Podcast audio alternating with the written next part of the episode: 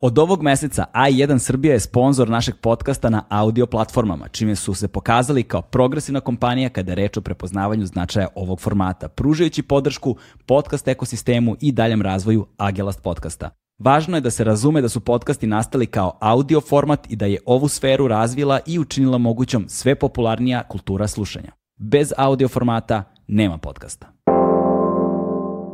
A sada vam predstavim svoju novu gošću. U pitanju je draga prijateljica, jako dugo se znamo, novinarka, medija fikserka i to je nešto o čemu ćemo govoriti takođe, šta znači biti media fikser, šta znači biti fikser uopšte i koliko je to važan, ključan i neodvojiv deo a, novinarskog zanata, novinarskog posla i važnih istraživačkih, dokumentarnih i drugih priča, posebno kada se govori o temama od javnog interesa i značaja, da ne govorimo o ratnim zonama, ali govorit ćemo o tome koja živi i radi u Berlinu već više 10 godina, koja je bila centar brojnih uh, važnih tema od javnog značaja kada je u pitanju Republika Srbija, žena koja je ključna, jedna od ključnih osoba u istraživačkom radu pardon, u istraživačkom timu koji se bavio a, problemom megatrenda, koji se bavio problemom a, plagijata, doktorata naših ministara i tako dalje i tako bliže.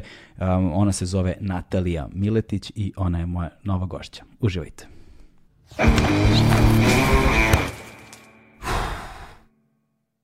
Hmm.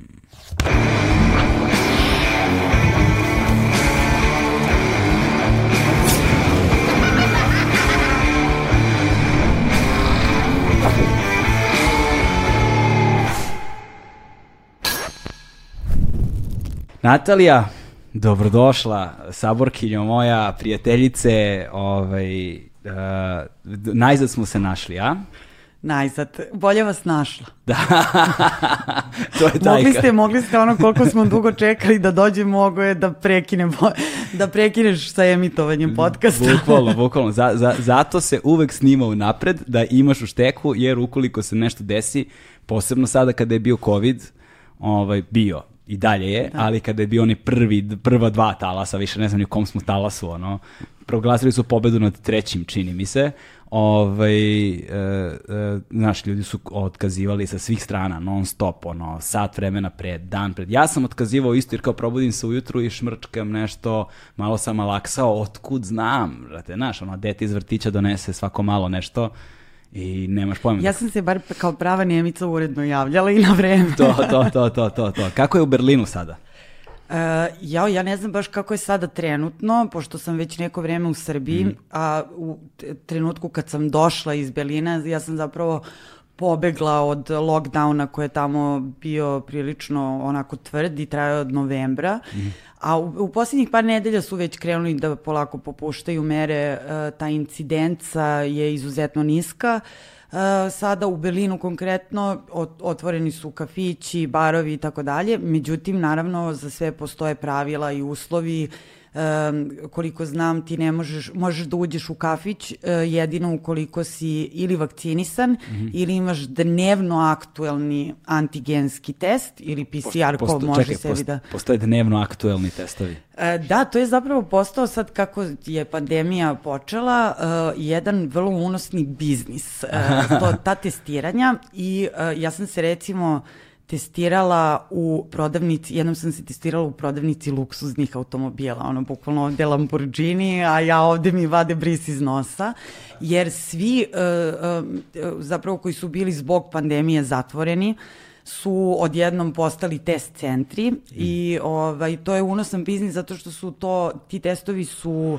besplatni, uh, ovaj, to sve finansira vlada i onda su svi brže bolje otvorili test, te test centre kako bi neku kintu zaradili. Mm -hmm. Naravno, već je bilo tu i zloupotreba u smislu da su prijavljivali da su testirali stotine ljudi, iako... Nemci zloupotrebljavali. Zaista, kao, ko bi rekao. Ko bi rekao? Ko, Zaista, da. Ko bi rekao? Korupcija po i kriminal postoji u Nemačkoj. Da, da, pa sigurno ne kao ovde, verovatno, ali ko zna? Ne, tu smo definitivno prvaci sveta. Pazi, ovaj, uh, da, jedno čekam da počnemo sa ovim našim pričama, ali pre nego što počnemo, nekako daj da damo jedan mali uvod. Ovaj, ti si prvenstveno sada novinarka, uh, fikserka, uh, to, jesu to kao primarne vokacije? Ono? E, da, apsolutno. Da, i doktorat si radila gde? Nisam doktorat, Nego? uh, uh, master. Master, Nisam ja. Da, da. E, Mogla sam i ja na Megatrendu da upišem doktorat, ali... kao Megatron će da. biti tema, Megatron će biti tema. Ovaj, a, e, ja sam master radila, e, mislim, osnovne studije sam ovde završila u Beogradu, čak ne ni e, novinarstvo, već poli, e, političke nauke sam studirala, a onda sam u Nemačkoj master radila iz mirovnih i bezbednostnih studija, a ono što je tebi zanimljivo je da sam ga radila na a, Vojnoj akademiji u Hamburgu. Kako je iskustvo rada u voj, na Vojnoj akademiji u Hamburgu? Fenomenalno gomila mladića u uniformama. to ne može biti loše. Ovaj, uh, ti si radila u poslednjih nekoliko godina zapravo neke ogromne priče i uh, radila si za Time magazin, radila si za brojne druge, radila si za Al Jazeera Balkans, radila si za ove i za one i volio bih sad da se dotaknemo nekih od tih najzanimljiv, naj, najzanimljivijih priča, prosto pre nego što uđemo na one korpuse velikih tema, jel te?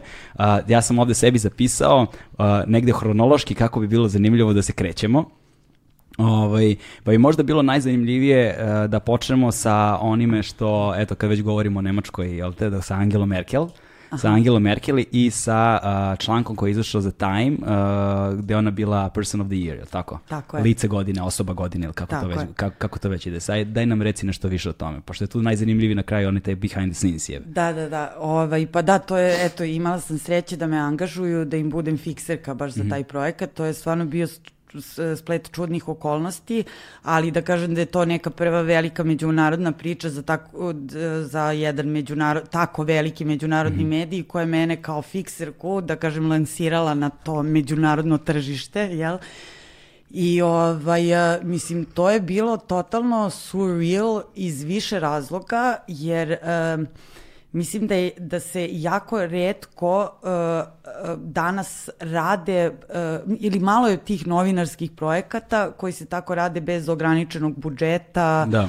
I, a- Osim ako nije BBC Planet Earth ili tako da, nešto. Da, da, da, da, ja govorim, mislim ovde, pazi, to, e, moramo, e, moramo imati u vidu da je to e, članak u, u, u nedeljniku, da, da, da, da. u štampanom izdanju, znači ne, ne govorimo ovde o sad nekoj uh, zahtevnoj filmskoj produkciji i tako Koja će da dalje. bude na Netflixu. Tako je, ne, znači govorimo o jednom članku na, ne znam, tri, četiri strane, ali naravno ta nagrada je prestižna i te godine kad je dobila Angela Merkel, ja, ja sam angažovana da budem fikser, fikserka na tom projektu. Koja je to godina? To je 2018? To je, ne, ne, ne, e, ranije je to bilo, joj, 2015. ja mislim da je bilo u Aha. pitanju, a da je ona, ili je 2016. ona je za godinu pre, odnosno, znači za tu, pošto se to pro, e, proglašenje to u novembru, decembru, Mhm. i znači ona je bila proglašena za tu godinu koja se završavala u tom trenutku i naravno to je bilo zbog uh, onog ču, uh, čuvenog um, uh,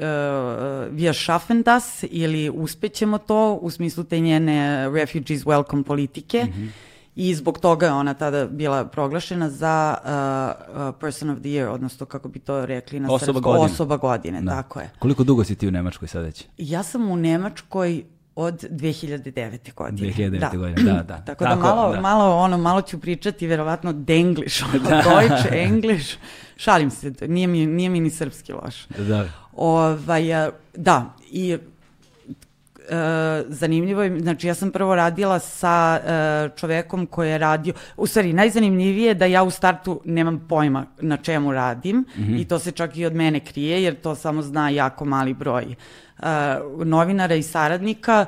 Sjećam se da su mi rekli kao radimo na to kao e, e, Nemačka Angele Merkel kao njena Nemačka, što god to značilo i bilo je kao nekoliko tih e, te, e, tematskih celina kojim smo se bavili i ja sam najpre radila sa uh, reporterom, onim znači ko je pisao, pisao Članak, taj da. članak i, ovaj, i sve je bilo u 5 do 12, jer oni zapravo izaberu, odnosno uh, čitaoci izglasaju ličnost godine i ti onda imaš, pre nego što oni objave rezultate glasanja, ti imaš dve nedelje da pripremiš jel, ceo tekst i uh, celu priču I znači kreće tu potpuno ludilo, ja se sjećam, znači ja sad kao pokušavam da iskopam sve što se tiče e, svakog životnog perioda Angele Merkel, pa se sjećam da sam čak recimo,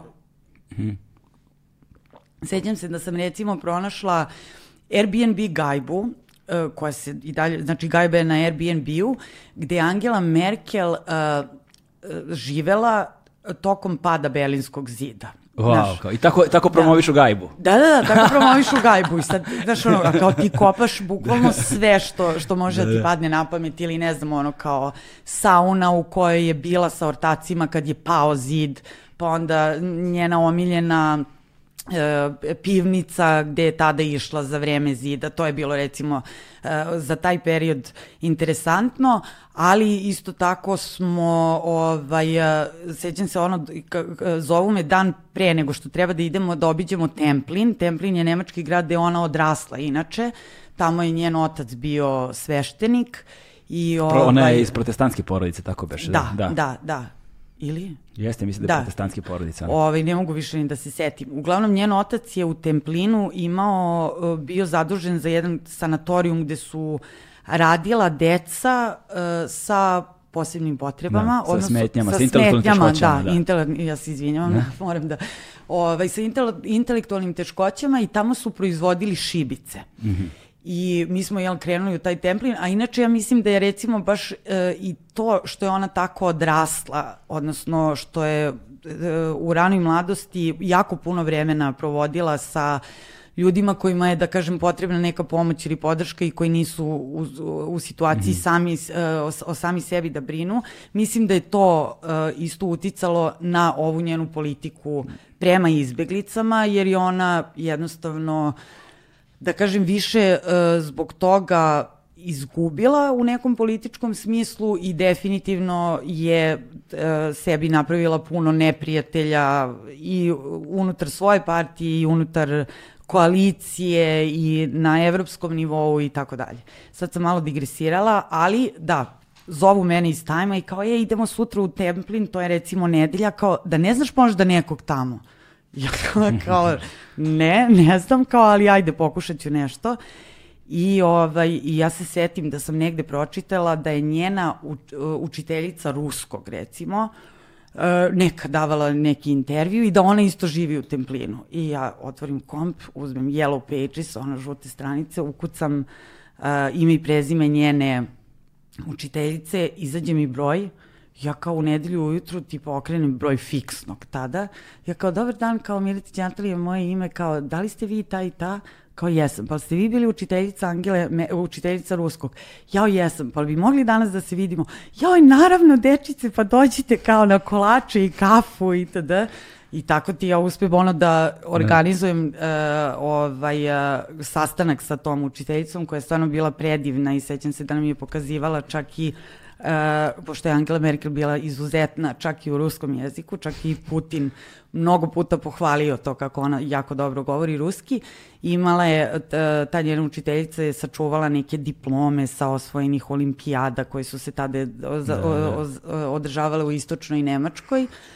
I, ovaj, I da, bilo je ono, jako zanimljivo on, jer porazgovarati sa njom, čak nam je pokazivala fotke iz tog perioda gde Angela Merkel onako sedi kao neka stidljiva devojčica, odnosno stoji u pozadini, nikad se nešto nije mm -hmm. uh, gurala u prve redove, jel?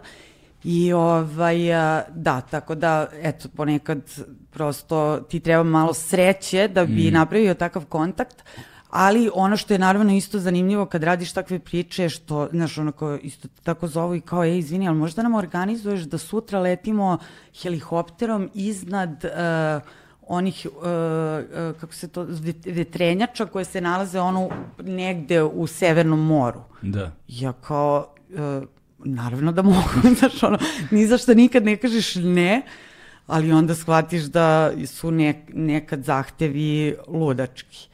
A ovaj, što se te priče konkretno tiče, isto je bilo zanimljivo, recimo, ta, ta naslovna strana, Aha. Uh, na toj naslovnoj strani je uh, Angela Merkel naslikana. I da, da to da, je na, da, e sad, to, za to postoji razlog. Aha. Zašto je Angela Merkel, Merkel naslikana, nisu radili fotografiju? Da, vidiš, tu smo, jel, to je i moja delimično krivica, šalim se. Znači, ja i fotograf, znači imali smo taj deo kad ono, nedelju na dan ideš, ideš samo sa reporterima i kao jurite te priče, mm intervjue i tako dalje. A onda, mi smo deset dana, ja mislim, jurili i uh, Angelu Merkel za fotografiju za na, naslovnu stranu Time-a, jer mm naravno smo tražili kao fototermin i tako dalje, međutim bez obzira što su oni znali o kakvom je, da, da, da će biti nagrađena i tako dalje, odnosno da će biti proglašena za uh, ličnost godine, on, oni su jednostavno rekli žao nam je gospođa je zauzeta i ovaj i ne samo to nego kao postoji gomila domaćih odnosno nemačkih medija koji u tom trenutku nju čeka za neke intervjue koji su im obećani i tako dalje i da, da, da. jednostavno ona ne želi da uh, daje sad nama kao pošto smo inostrani mediji bilo kakvu prednost nad, nad uh, lokalnim novinarima. Šta ti, je, šta ti je prednost krupnog kapitala, ono i kao naš jedna od zemalja svetskog centra zato što ne moraju, znaš, za njih to, ne, za, za njih to nije nekakva kao sad prilika u tom kontekstu. Ja, ja nisam baš sigurna da, da li je to, uh, ja mislim da je ipak bilo više do nje, Aha. nego do, mislim da bi se mnogi drugi nem, nemački političari jedva dočekali, jedva dočekali i da. mislim jer tako nešto se, A šta mislim da bi šta... redko koji svetski uh, Lider. vođa to odbio tek tako na način na koji ona to uradila. A šta misliš zbog čega? Ko zna? Pa jedno, ne, jednostavno i to nije bio prioritet. Stvarno da. je imala previše posla, to je bilo ono vrhunac uh, svega onoga sa izbeglicama što se dešavalo jako puno problema, onda kraj, pred kraj godine, tu isto ono kao pre nego što krenu ti uh, božićni praznici mm -hmm. su oni svi previše zauzeti i tako dalje, tako da jednostavno i to nije bio prioritet. Kao, ok, hvala vam, hvala vam što ste me proglasili za ličnost godine, ali ne, da, ne, nemam, nemam vremena, vremena. Nemam vremena. I uglavnom mi smo nju deset dana, smo ja i fotograf, bukvalno, apsolutno svuda gde se ona pojavila, i mi smo dolazili tu, znaš, akreditujemo se, ne znam, obilazila je vojsku, eto nas tu, dobila je isto neku uh, nagradu jevrijske zajednice, eto nas tu. I jurili smo je, jurili, jurili, ono, iškrcali ne znam nija koliko fotografija, međutim nijedna nije bila dovoljno dobra da bude na naslovnoj strani pa da, ipak za nas, da, da, ipak za takvu, da, izvini, ipak za takvu fotografiju su ti potrebni manje više studijski uslovi, ono kontrolisani uslovi da da dobiješ portret je da. portret, da. znaš, nije. Znaš šta, ponekad ti je dovoljno i da da imaš malo sreće, mm. ono u mhm. smislu ne mora to da bude baš portret, mogla je da bude neka, ne znam, moćna fotografija gde gde se ona uh, pojavljuje u Bundestagu ili čak i sa vojskom, šta da. god. Mi smo čak i išli, pošto je inače Angela Merkel poznata po tome da jednom nedeljno, ja mislim petkom, uh, ide sama u shopping. Ona postoji uh, E, blizu njene rezidencije u Berlinu je jedna, jedan supermarket, to je isto neki stari istočno-nemački lanac supermarketa, da. gde ona jednom nedeljno ide u nabavku.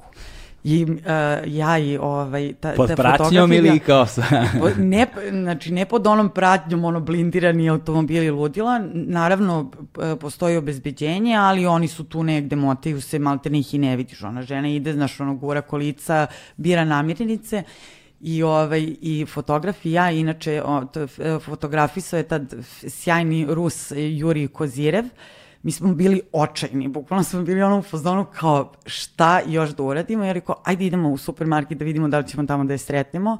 I kao stojimo u tom supermarketu i čekamo je da se pojavi I kao sve vreme razmišljamo kao, dobro, okej, okay, i ko je scenario, kao, ako se pojavi, šta ćemo onda uradimo? Kao, izvinite, ali može jedna fotografija? Ili je fotkate onako da. sa korpom da. da kao kupi konzervu pasulja, kao, znaš? Znaš, kao, razmišljamo kao, al, pa nismo mi paparaci. Da, ali pazi, ali to bi možda bude, u ovom kontekstu bi to možda moglo da bude do jaja fotografija. Da, da, nažalost, mi je nismo sreli, A. dan kasnije. A šta su vam rekli u prodavnici kad ste stajali tamo? Znači, bukvalno kao, su nas gledali ono u fazonu, kao, da li ste vi normalni, ali ali, znaš, ono, morali smo, bili smo vrlo očajni, ali dan kasnije su otišli ove kolege koji su pisali tekst i sreli su.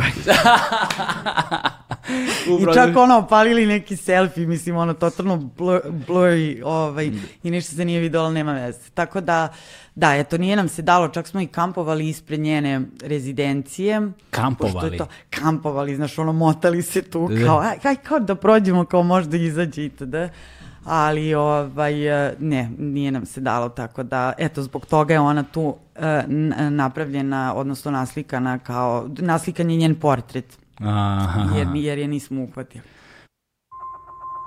A1 je prvi prijatelj audio izdanja Agelast podcasta.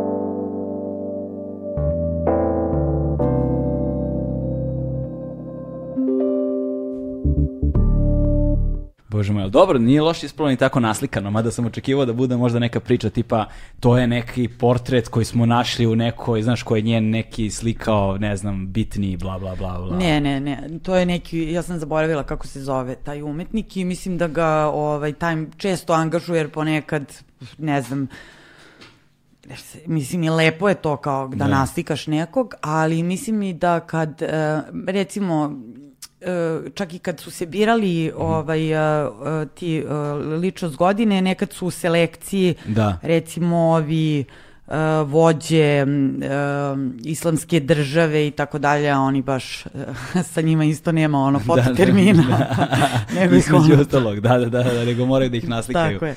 Ovaj, e sad kad si već pomenula da je Putin hvalio više puta ovaj, um, Angelu Merkel, odnosno njen, njen govor ruskog jezika, jel te? Mm -hmm. ovaj, to nas odmah navodi na još jednu vrlo zanimljivu priču koju si radila u vezi sa Putinom. Jeste, jeste. Putin, Za koga je to da. bilo?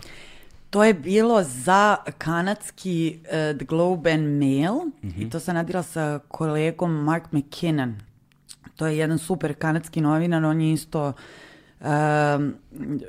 dobitnik je nekih međunarodnih nagrada, zaboravila sam kojih, on je recimo odradio super onaj neki dokumentarni um, film sa um, onim klincima u Siriji koji su uh, um, da kažem, pokrenuli to arapsko proleće sa onim grafitom nekim mm -hmm. koji su napisali na, na zidu, ne znam tačno u kom gradu. Ove, ovaj, sve u svemu, Mark je uh, dugo radio kao dopisnik uh, The Globe and Mail iz Moskve i veliki je poznavalac jel, lika i dela Vladimira Putina. I tre, e, zapravo je to, e, to što smo mi radili, jeste bilo objavljeno i kao članak, ali je to zapravo deo njegovog ve, većeg istraživanja za knjigu koju će mm. tek objaviti o njemu. I bili smo u Drezdenu, jer je Putin pre pada Berlinskog zida Uh, radio kao KGB obaveštajac u Drezdenu u tada tu, tu, tu, da izvini, da. tu je zapravo ona fora da se pričalo o mm -hmm. tome, ali nije bilo potvrđeno zaista da li da. je. Više je bilo na nivou spekulacije. Tako je. E, zapravo ono što je bilo uh, na nivou spekulacije je koja je njegova uloga bila u KGB-u, KGB odnosno da li je bio neki niži činovnik mm. ili je bio šef KGB-a, odnosno ili možda ne baš šef, ali kao da je imao neku... Neki više operativac ili nešto, tako da. Tako je. I ovaj, mislim, ono što je isto zanimljivo je da recimo gomila njegovih sadašnjih najbližih saradnika, uh, kao recimo uh, direktor ovog Nordstrom, kako se zove to, one, one pipeline um, Aha, gasovoda da. koji prolazi uh, Severni tok, da, Severni da, da. tok, e, mislim da se zove to Severni tok 3, ako se ne veram, to je taj neki koji kači Nemačku, oko koga sad postoje ono razne afere itd.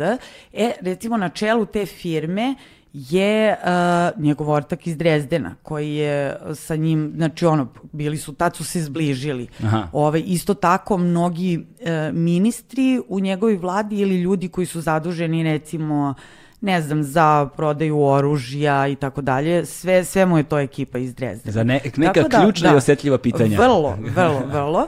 Tako da, ovaj, kako se zove, da, sad pitanje je kakva, kakva je njegova uloga bila u KGB-u. Ono što smo mi uspeli kao po prvi put skoro da, mislim, ono, da dokažemo, vidit ćemo, ovaj, a, mislim, uspeli smo da potvrdimo te izvore, mi smo našli nekog tipa, zapravo ja sam našla tog tipa, uh, koji je radio, on, on, on je Nemac, istočni Nemac koji u to vreme radio za Štazi, a Štazi i oni su tad, jel, sarađivali i ovaj... Čuveni Štazi, da, brate. Da.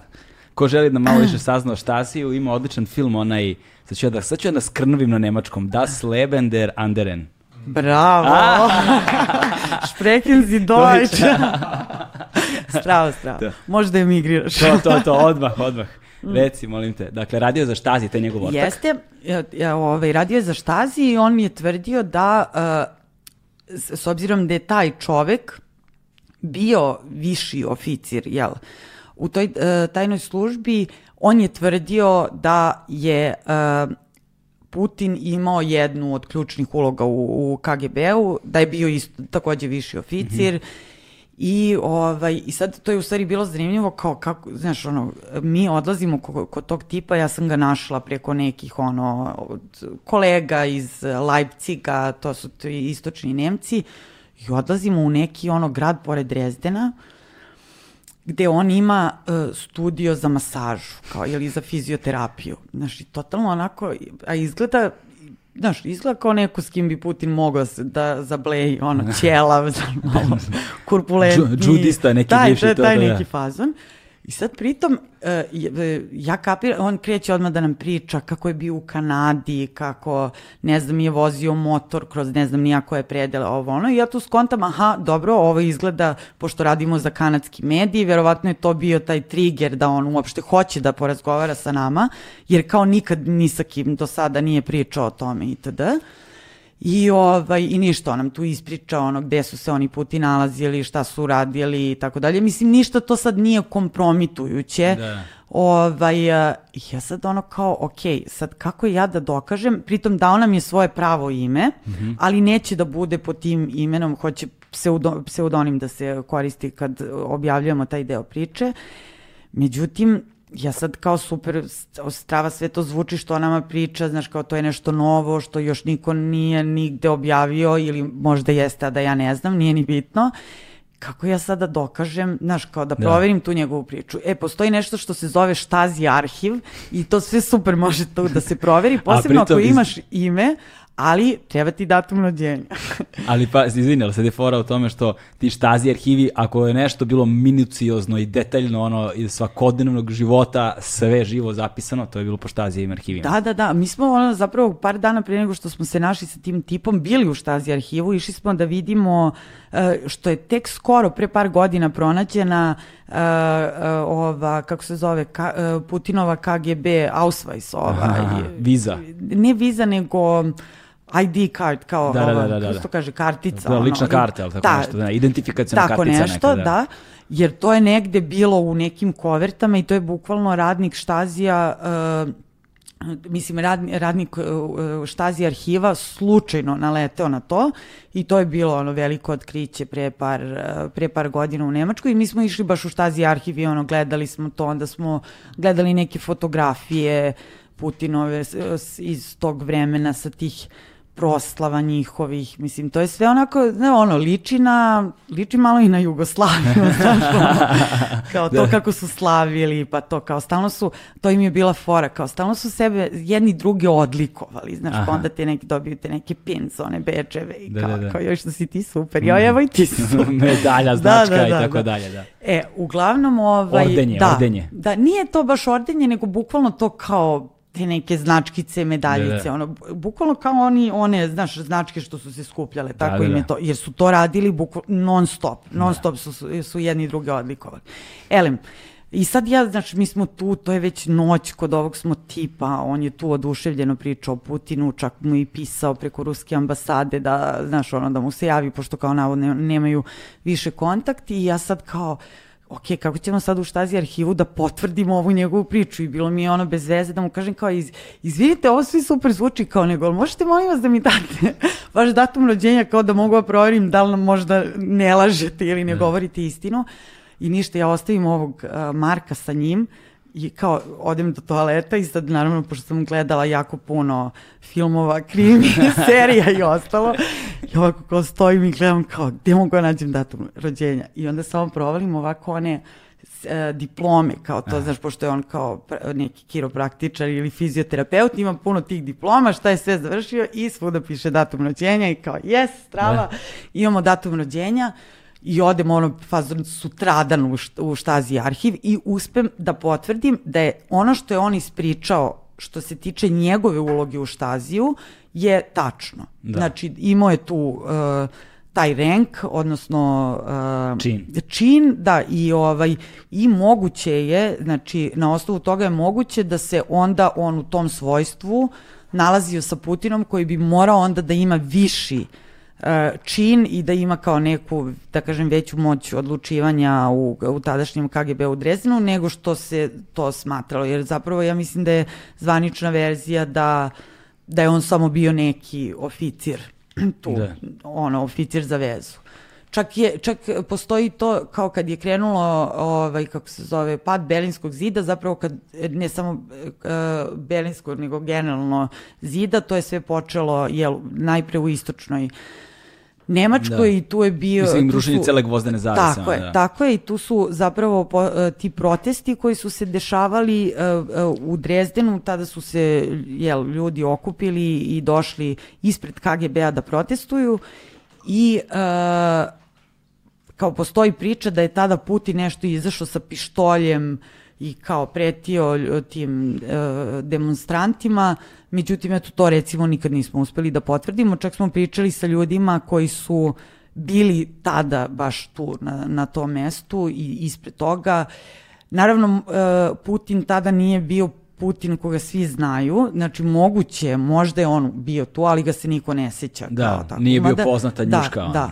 Mada ono fizički se uopšte nije promenio, znači on se ono zaledio, ne znam, ne znam koji mu je skin rutin, ali ono nekako... Izgleda isto celog života. Znači, veruj mi, gledala sam, kažem ti, te slike iz arhiva, isti je. Isti. Možda je jedan od onih, znaš ti smo imali te, te, te prijatelje ono, u osnovnoj školi, u vrtiću i to, nešto ni star mali. Oni su od, od rođenja izgledali kao da su odrasli i celog života izgledaju isto.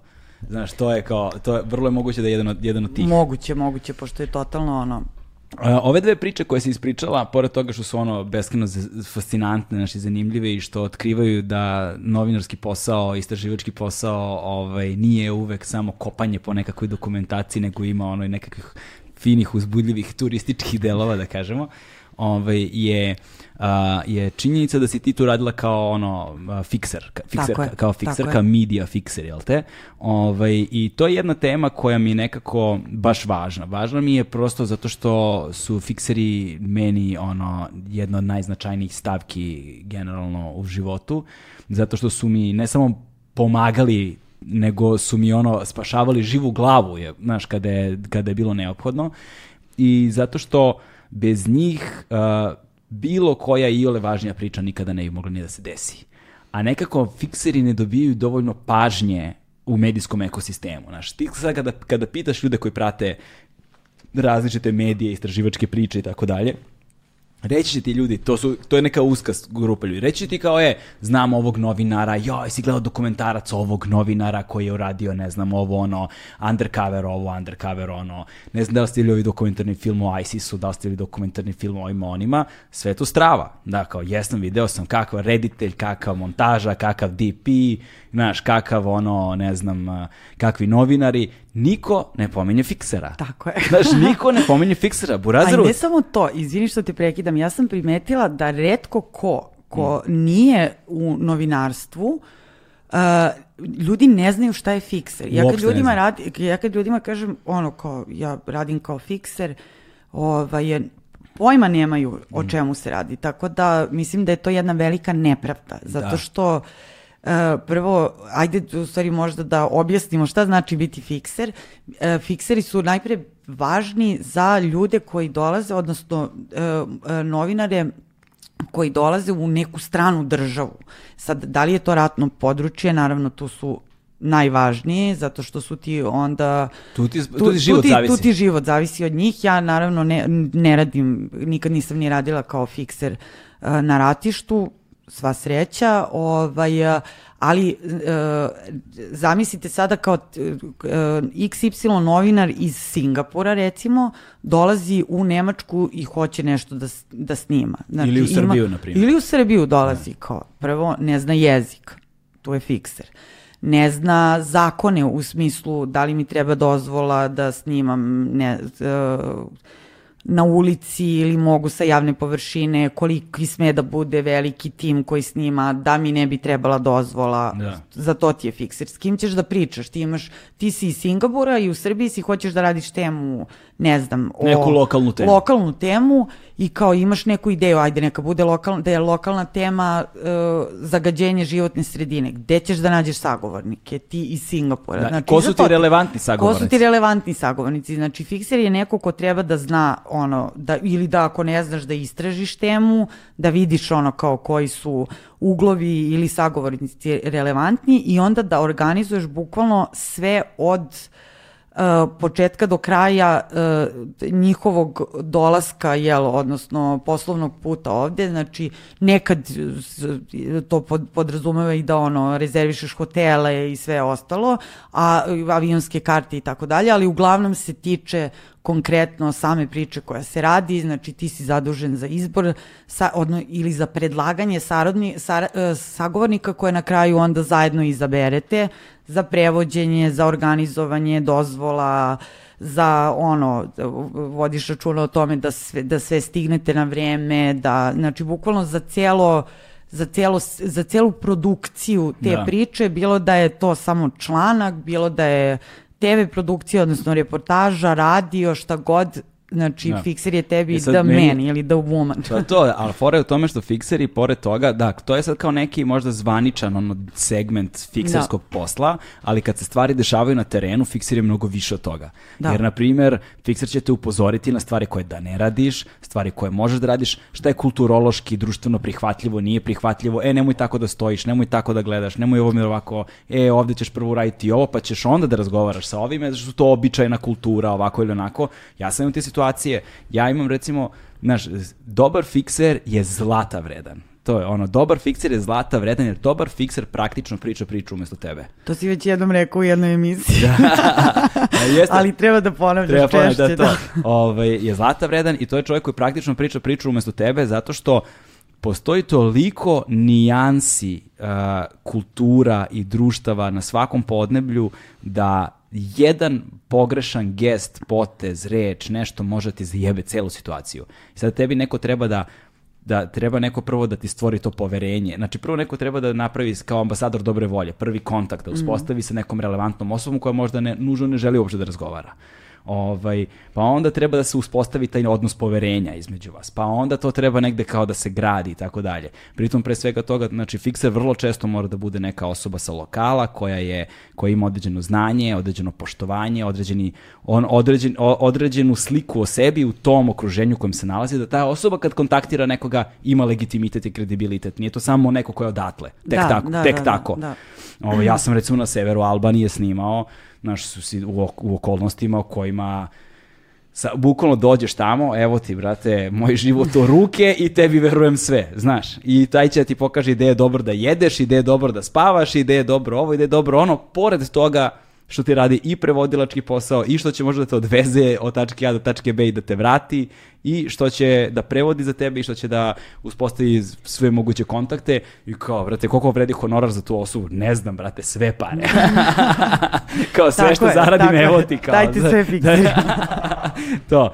Tako da, ovaj, posao fiksera, posebno kada govorimo o istraživačkom novinarstvu, kada govorimo o dokumentarizmu ozbiljnom, to su stvari koje, a zamisli tek u ratnoj zoni šta u Siriji nađeš da. fiksera, brate. To je neko ko je tu jebote, ko živi u toj ratnoj zoni, da, da, da. ko ti sve, ono, glava ti zavisi od te osobe. Da. Mislim, ja, kao što sam rekla, nikad nisam ono fiksirala da. u, u ratnim zonama, ali recimo ono što bi mogao bude pandan tome, pošto mislim da sam e, sa, ne, ono, išla na stotine, sto, stotine recimo nekih demonstracija, na, mm. uh, protesta, uh, naci protesta, da. ono, bila je to nekad Pegida, sad ih ima koliko hoćeš, raz, različiti su u raznim delovima Nemačke. Neonacisti u Nemačkoj, da, stvarno.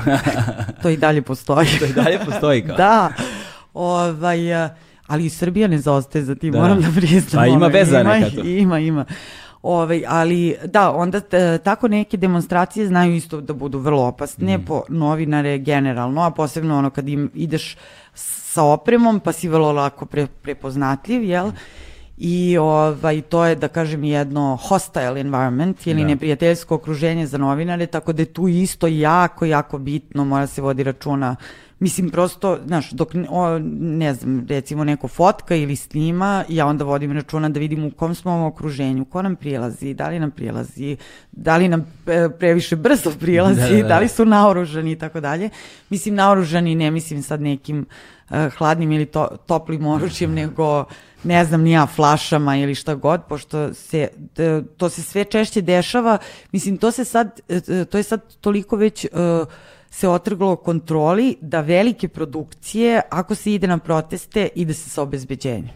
Mm -hmm. Ide se sa obezbeđenjem zato što je posebno sad i sa ovim teoretičarima zavere i sa, sa tje, telim, celim tim džumbusom gde više ne znaš ko je ko ni šta hoće. Brate, kad su QAnon zave, zaverenici ono uleteli u parlament američki, šta da pričamo, pričamo, brate. Upravo da. to. Tako da uh, sada kada se rade ono, da kažem, kada veće produkcije rade, mm. ako se ide na bilo koji protest, ide se sa, sa obezbeđenjem. Tako da, eto sad, obezbeđenje odrađuje taj deo, ja organizujem sve ostalo, mm. da. A ti si radila jednu priču sa neonacistima ovaj, u Nemačkoj?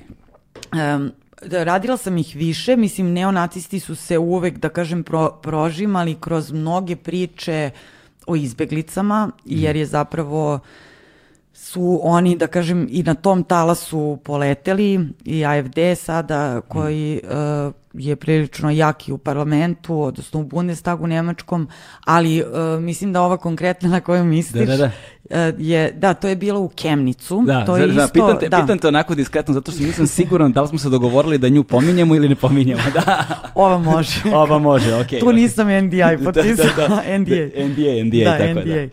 Ovaj, da, to je bila priča o neonacistima, znači Kemnic je tako, opet istočna Nemačka i to je, da kažem, jedno pa grotlo neonacističko, ne samo grad, ne samo grad Kemnic, već i neka e, manja mesta okolo, tamo je ta scena ja, izuzetno jaka I šta se tamo dogodilo? Sad opet ne znam koje godine, zato što jako loše pamtim godine, ali recimo 2018. Mm -hmm. Da, 2018. je tamo tokom nekog gradskog festivala, jel?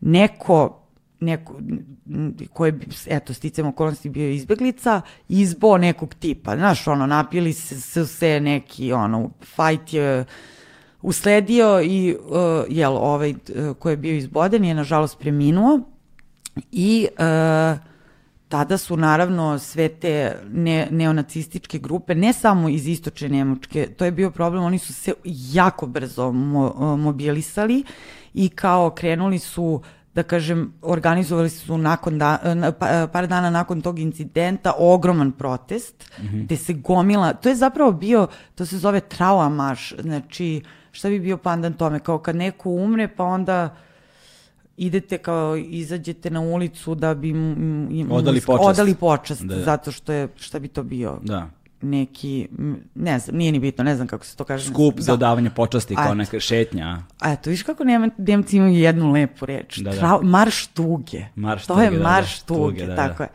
I ovaj, povorka. Tako je, povorka, može povorka, i povorka. Povorka.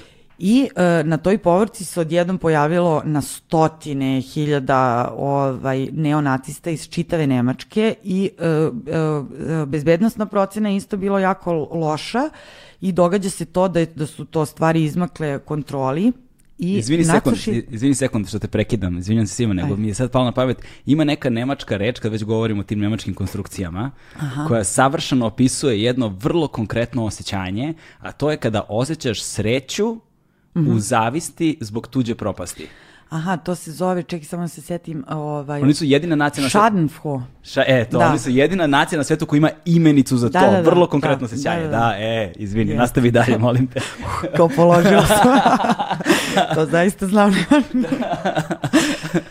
E da, uglavnom, e, situacija u Kemnicu iz, izvakla kontroli jer je bez, e, be, ova bezbednostna procena bila loše, bilo je nedovoljno policije I to se pretvorilo u to da su neonacisti krenuli da love ljude tamnije puti ili svakoga ko nije izgledao kao Nemac, Da, ovakve, ovakve mučače se ko ja. E, da. Tebe bi definitivno jurili. 100%. Da, 100%, da. da. I, ovaj, I mislim, to je stvarno e, bio veliki skandal da je uopšte tako nešto moglo da se desi.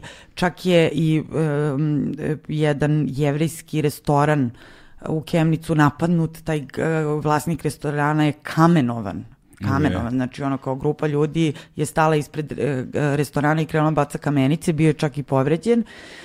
I bio je veliki skandal, to se završilo kako se završilo, hvala Bogu niko nije stradao. stradao.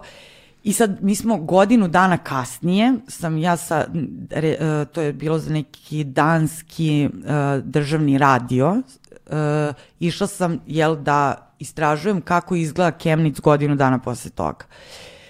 I naravno bilo nam je ono kao najveći izazov za mene jel kao fikserku na tom projektu je bilo kako da se uh, uh, kako da nađem kontakt sa tim uh, huliganima koji su organizovali zapravo ta jedna huliganska grupa koja se smatra odgovornom za uh, nerede uh, je zabranjena inače oni se zovu Hunara Hunara Uh, što je skraćenica za hooligans, nazis, racists. Oh, da. je.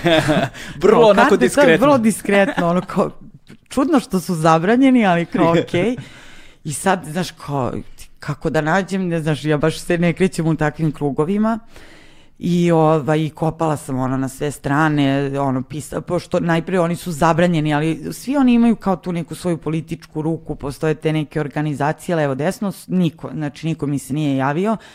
I ja se setim, neko mi je dao predlog, kao ne, ne sjećam se ko, kao pa možda, znaš, kao ako znaš nekog srpskog huligana, znaš, oni su često povezani, ja se setim mog jednog ortaka iz osnovne škole sa Karaburme, koji dan danas ono blej na tribinama, I iscimam ga i e, pitam ga kao, jel možda znaš nekog, znaš iz tih ono, huliganskih krugova, kemnica, ovo ono, i on mi čovek nađe kontakt.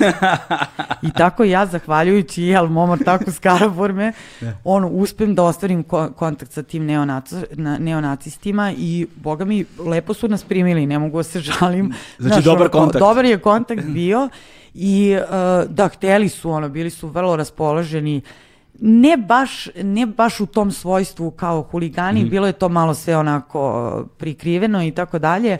E, više je ta e, bila kao prezentacija tih, tog nekog političkog pokreta koji tamo postoji, a, koji su ultradesni, desno, ali je bilo vrlo neprijatno. Mislim, ja malo ono kao sam paranoična, mislim, nije ti sve jedno da kao uletiš na skup neonacista, huligana i svih ostalih, ne znam nija ko se tu sve skupio, uh, oni su imali neki svoj skup i mi smo tu bile pozvane, nas dve uh, devojke, žene, i ovaj, ja se sjećam da kad smo krenuli iz hotela, ja sam rekla ovima na recepciji kao samo da znate, mi smo jel novinarki, idemo se vidimo kao sa nekim mračnim likovima, kao ako se ne javimo do, ako ne dođemo u hotel do 10 ili 11, nemam pojma, zovite policiju. Da. Kao mi smo tu, od prilike kao idemo tu i tu.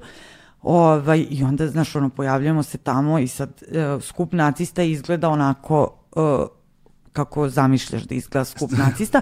Pritom to nije javni njihov skup, to je kao neki sastanak koji oni Aha. imaju tu dolaze likovi, ono, dva sa dva ćelavi, znaš, svuda svastike istetovirane, što je inače zabranjeno. U Nemačkoj ne možeš javno da prikazuješ svastiku, tako da se sećam da su oni recimo dolazili, znaš, ono, to im je sve bilo prekriveno, mm -hmm. ovaj, jer ne smeš ti ulicom da se krećeš i kao da ti se vidi svastika.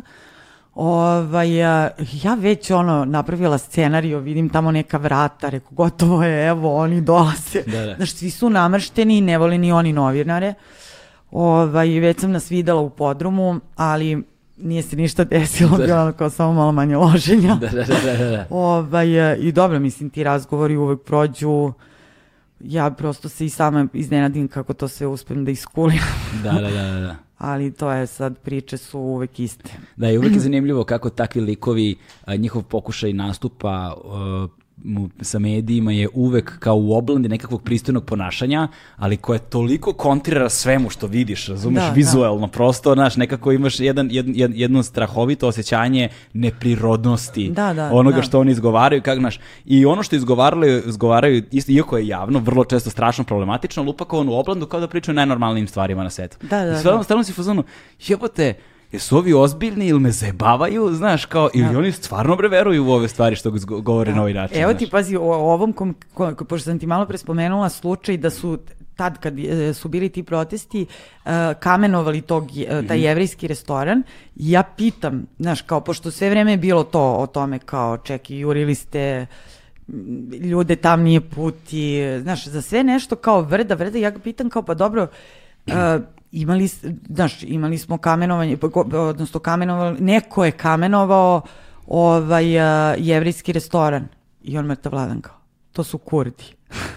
Znaš, kao, pošto tu Da. ima i kurda i Da, da, da, da, nije njemu- nije njemu ne, ne, problem. kao, to je, to je njihov sukob, to nismo bili mi, znaš. Aha, kao to su kurdi, da. Sada tu postoji ono og- ogroman problem sa, jel te, oni imaju vjerojatno da je to kao, tu, koja je najveća nacionalna manjina u Nemačkoj? Turska, pretpostavljam. Turska, da, da, definitivno. Turska, definitivno, to, znaš. Tur, Turci, Rusa ima dosta, ne znam, i mi smo negde, ne znam na kom smo mestu, ali Turci E, definitivno. nadam sam da. gledao negde po netu pre izvesnog broja godina kao broj nacionalnih manjina i mislim da tipa Srbi nisu ni u top 10, ono.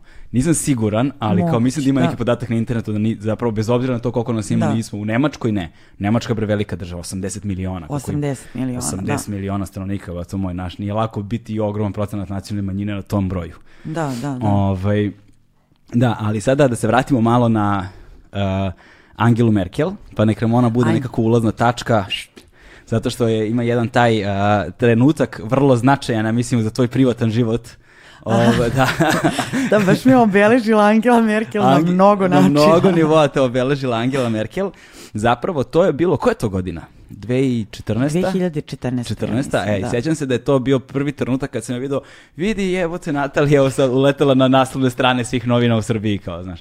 Ovaj, a, a, dakle, bio je neki skup a, u Berlinu gde je bio Vučić sa Angelom Merkel. Šta je to Tako bilo? Ko je to skup bio? Šta, Znaš, koji je to sastanak bilo bio? kao jedan od e, hiljade i hiljade sastanaka koje smo imali na temu ulaska Srbije u Evropsku uniju, tako je. Da, tako da ništa spektakularno. Ali je bila neka konferencija za novinare. Bila je konferencija za novinare i to je Vučić najavio, ja mislim da je to njemu bila prva poseta Nemačkoj. Tako Aha. da on je u duhu jel, Aleksandra Vučića to najavio kao istorijska poseta Da, da, da. Aleksandra Vučića Da, Nemačkoj i ostalo. I bi istorijska, ona bar I- za mene. Da, da, i vi istorijska, zato što, i sad spore u tome, zbog te pompezne najave, a, na tom skupu je bilo pregršt novinara. Jeste, jeste. Tako je bilo i dosta i, i, svi, i skoro sve ono medijske kuće su prenosile taj njegov odlazak. Bio direktan bre, prenos na RTS. Tako je bio direktan prenos na Da. RTS-u, to, to ti kažem, razumeš? Mislim da su posle toga ukinuli to. Ide Da, da, da. sa dilem. Ide on odloženi prenos, Da, da, odloženi da, da. prenos 20 minuta, za ne daj Bože ako se pojave takvi kao ti ponovo. I ovaj, šta se tada desilo za one koji ne znaju, pošto oni koji znaju vjerojatno već pretpostavljaju čemu ćemo da pričamo, Da. ali ispričaj ti, molim te, tu priču. A šta se desilo? Pa desilo se slobodno novinarstvo.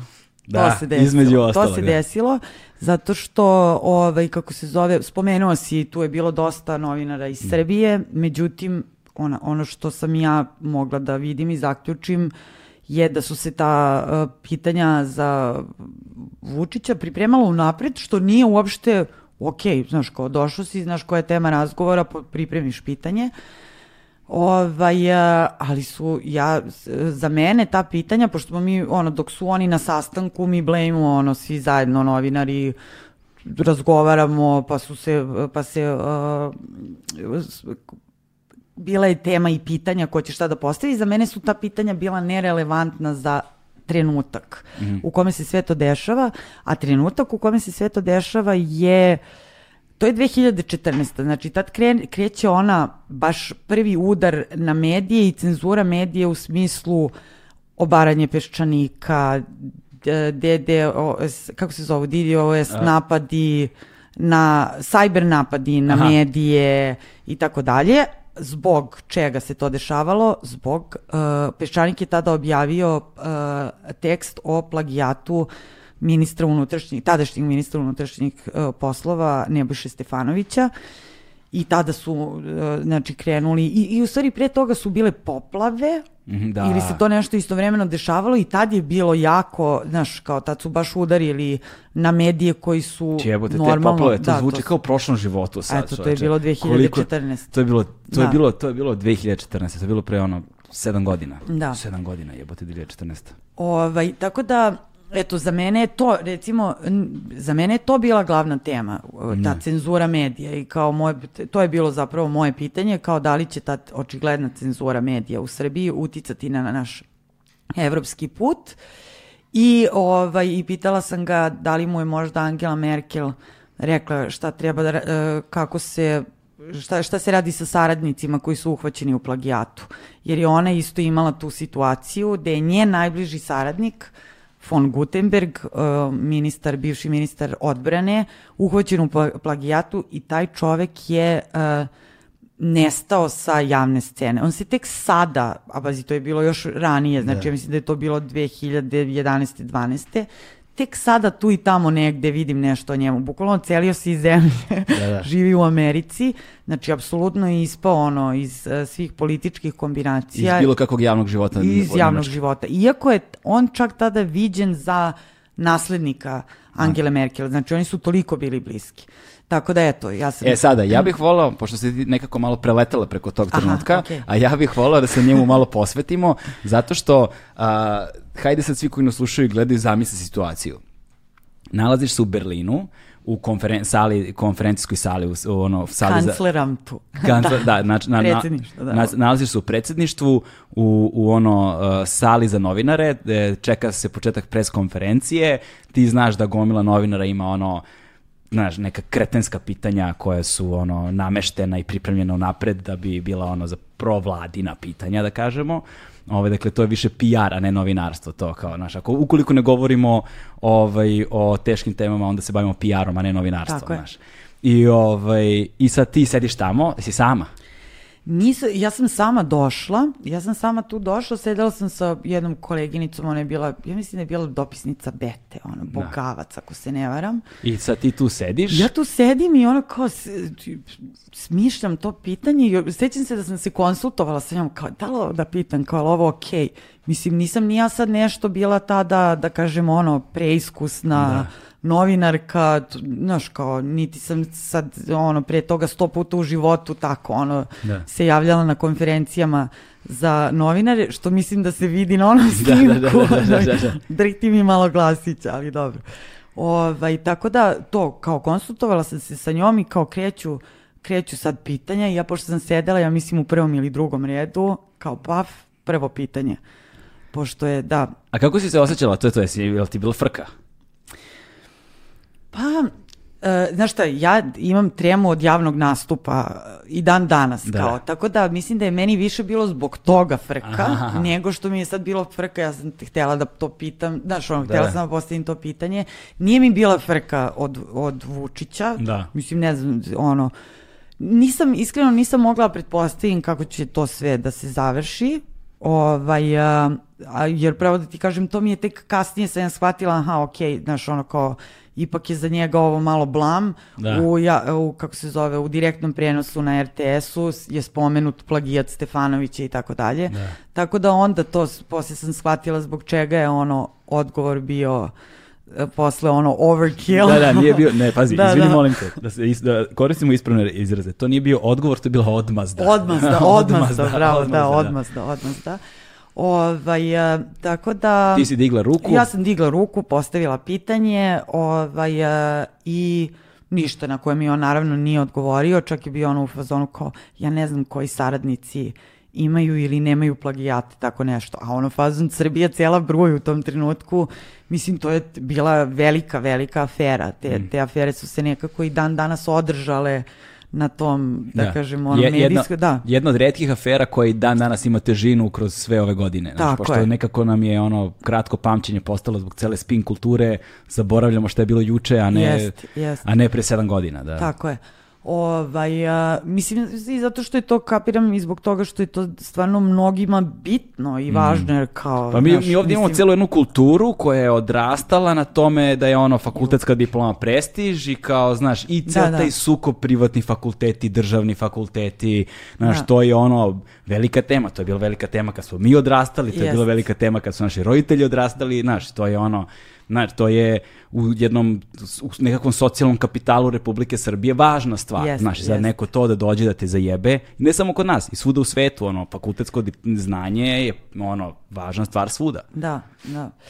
Tako da, sad ne znam što... To su, je, to, izvini, da. pa to su jedne od redkih institucija od poverenja koje smo imali ono, kroz sve ove godine krize i godine sranja, nekako si to obrazovanje smo se nekako oslanjali kao jedna Jeste stvar. Jeste kao mi, znaš ono kao, to. znaš ono kao, Amerikanci ne znaju št, ko je glavni grad Italije, ne znaju, znaš, oni Kao, mi znamo kako da. mi geografiju učimo. To, to, to, to. to.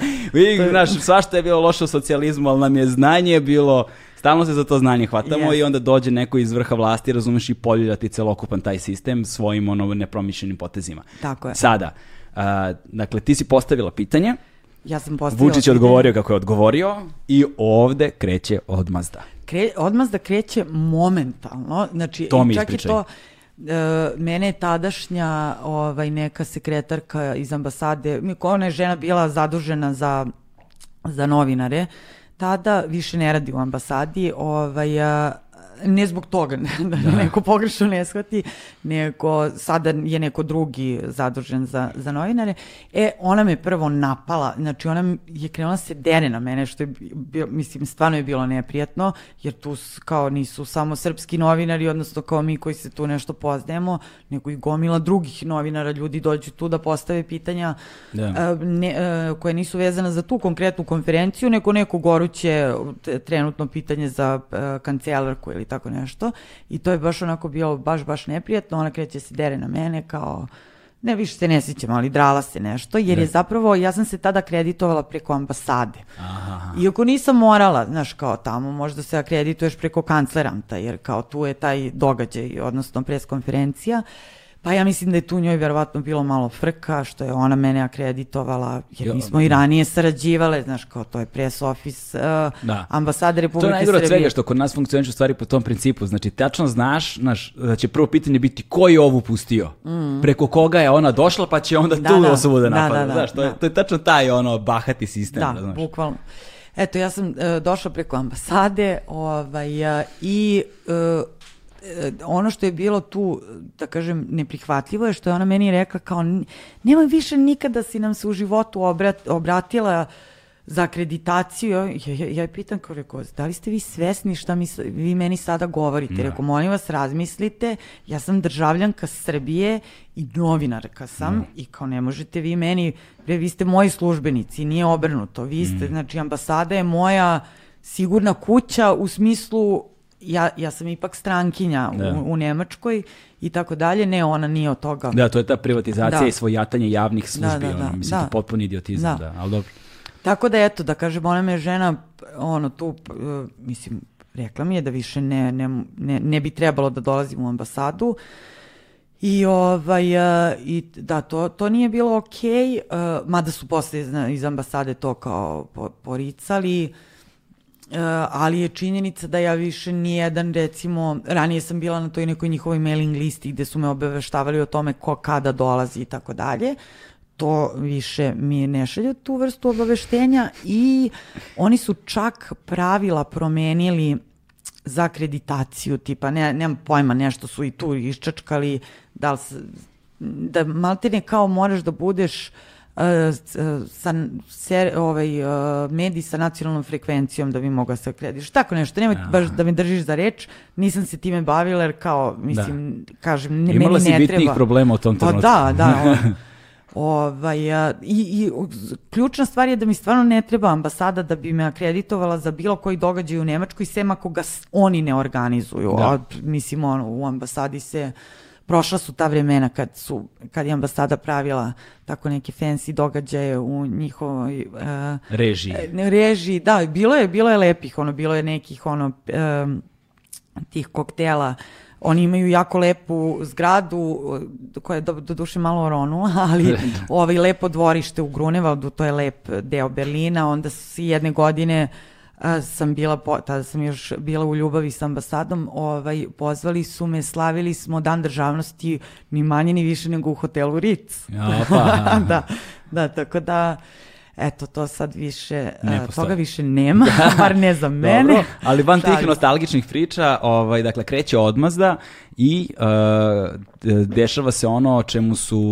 novinari Krika koji su dolazili kod nas ovde u podcastu Aha. više navrata govorili, da je jedna od specijalnih tehnika po kojima je Srbija prepoznata ono u međunarodnoj zajednici. Kao Aha. svaka zemlja na svetu ima svoj način a, napada na svoje novinare Da. i tako dalje, da je ono, ne znam, u Rusiji novinari nestaju, naš, naš, a Ameri imaju kao što je onaj espionaž act i šta ti ja znam i tako dalje protiv uh, whistleblowera, protiv tih, mm tih uh, ovaj, uzbunjivača i tako dalje i sad svi imaju svoje neke tehnike, Meksiko se suočava sa nekim drugima, sa sve neke ekstremni, a Srbija je se specijalizovala za ovaj, tabloidne napade. Da. Za tabloidne napade, za, za ovaj, ono što zovu na engleskom character assassination, jel te? Znači, Da, ono da, da, kao, da. znači diskreditovanje ličnosti u javnom prostoru na svaki mogući način. Tako je. Ovaj, mimo bilo kakvog zakona i tako dalje. I to je ono što si ti doživjela. I to je zapravo tvoj slučaj je jedan od prvih za koji ja znam da je ono tako protiv novinara nekog eh, krenuo ogroman ono tvrd napad. Ja ne znam da, da li je prvi, ali ih je Pa da, ne znam da li je prvi, ali da, da, zato što da. se Ne, znamo, verujem pa je da- meni- da, da, pa je meni to da zapalo, da. Pa sam tad Ne, primetio da, baš. Da. Ovaj, da, to je baš ono bio, što ti kažeš, uh, ovaj, nije, rekao si, ne odmazda, odmazda, jel, Mm. za to. I naravno da sam sutradan osvanula na naslovnoj strani Informera, ni Da, da. manje ni više. Sa, eh, ali je zanimljivo što oni eh, valjda su morali brzo da reaguju, pa nisu, nisu baš, s, pored onoga strana plaćenica, koje ne znamo ko je tu doveo, za koju stanu, stranu službu radi, znaš, ništa tu oni pametniji van tih već poznatih ok- okvira nisu uspeli da smisle, Da. iako sam sada nedavno, dok sam bila ovaj, u mom selu Soko Banja, gde inače rado i često odlazim, srela sam kolegu jednog koji mi je rekao da su ga tada, a to mi je sad prvi put rekao, da ga je tada kad se to desilo, neka urednica, pošto je on isto novinar, a, neka urednica iz Informera zvala da se, pošto su valjda to skontali kao da imam, vučem korene iz Soko Banje, da se raspita ko je ta Natalija Miletić i on je on otprilike spustio slušalicu i rekao hvala, doviđenja.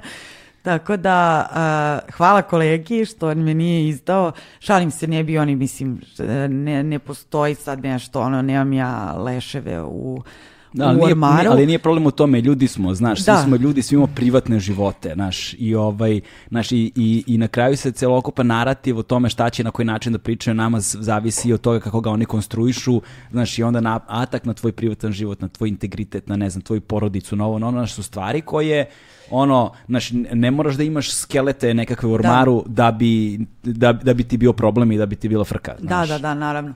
E, znaš šta, pazi, sad, e, o, moja situacija je malo drugačija i ja zaista ne smem da zamislim kako je ljudima koji ovde žive. Da. E, meni je taj napad bio jako neprijatan, Da. ali, ovaj, mislim, ono što su, n- e, kao uvreda koju su oni smislili je ta čuvena kao mistična dojka. Da, I ja da. sam od tada, ovaj, em, kako se zove urednik Informera, me je, tak, da kažem, krestio, odnosno, zapravo, oni su mene time hteli da uvrede i to kao, znaš, kao, jer sad, ali ja u stvari ne kapiram koja je uvreda, što, kao dojka ružna reč. Da, da.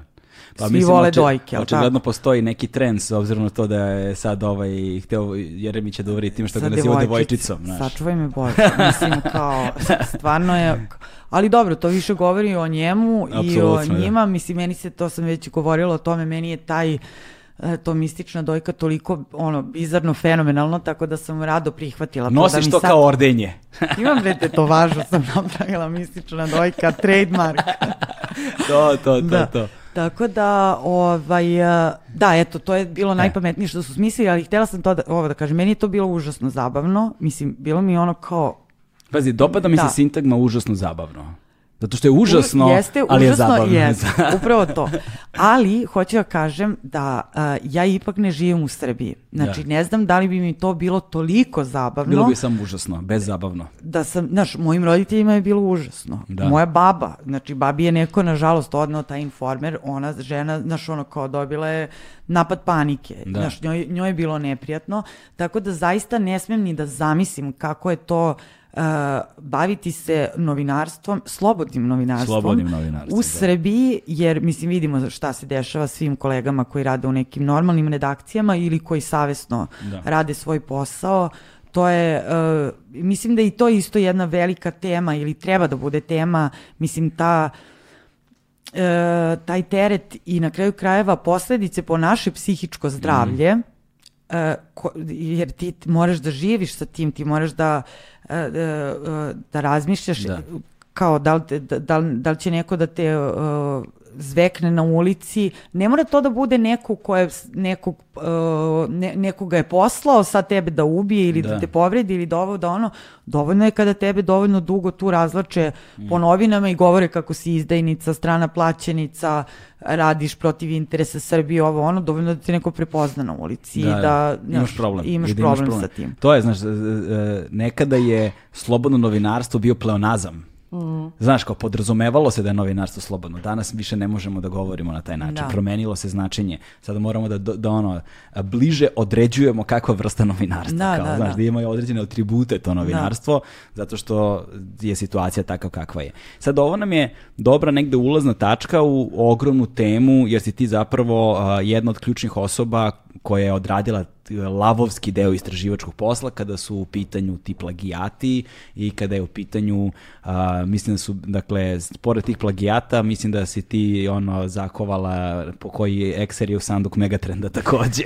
Tako da hajde gde nam je najpametnije da počnemo tu priču nekako da opišemo ceo krug i da ljudima možda koji nisu dovoljno upućeni bude jasna celokupna da. slika. E, ovaj sad kad smo se vratili sa pauze, dakle a, sada da ulazimo u tu priču o uh, tom lavovskom delu posla, istraživačkog pre svega posla koji si ti uradila kada su u pitanju plagijati, uh, kada je u pitanju megatrend i tako dalje. Da.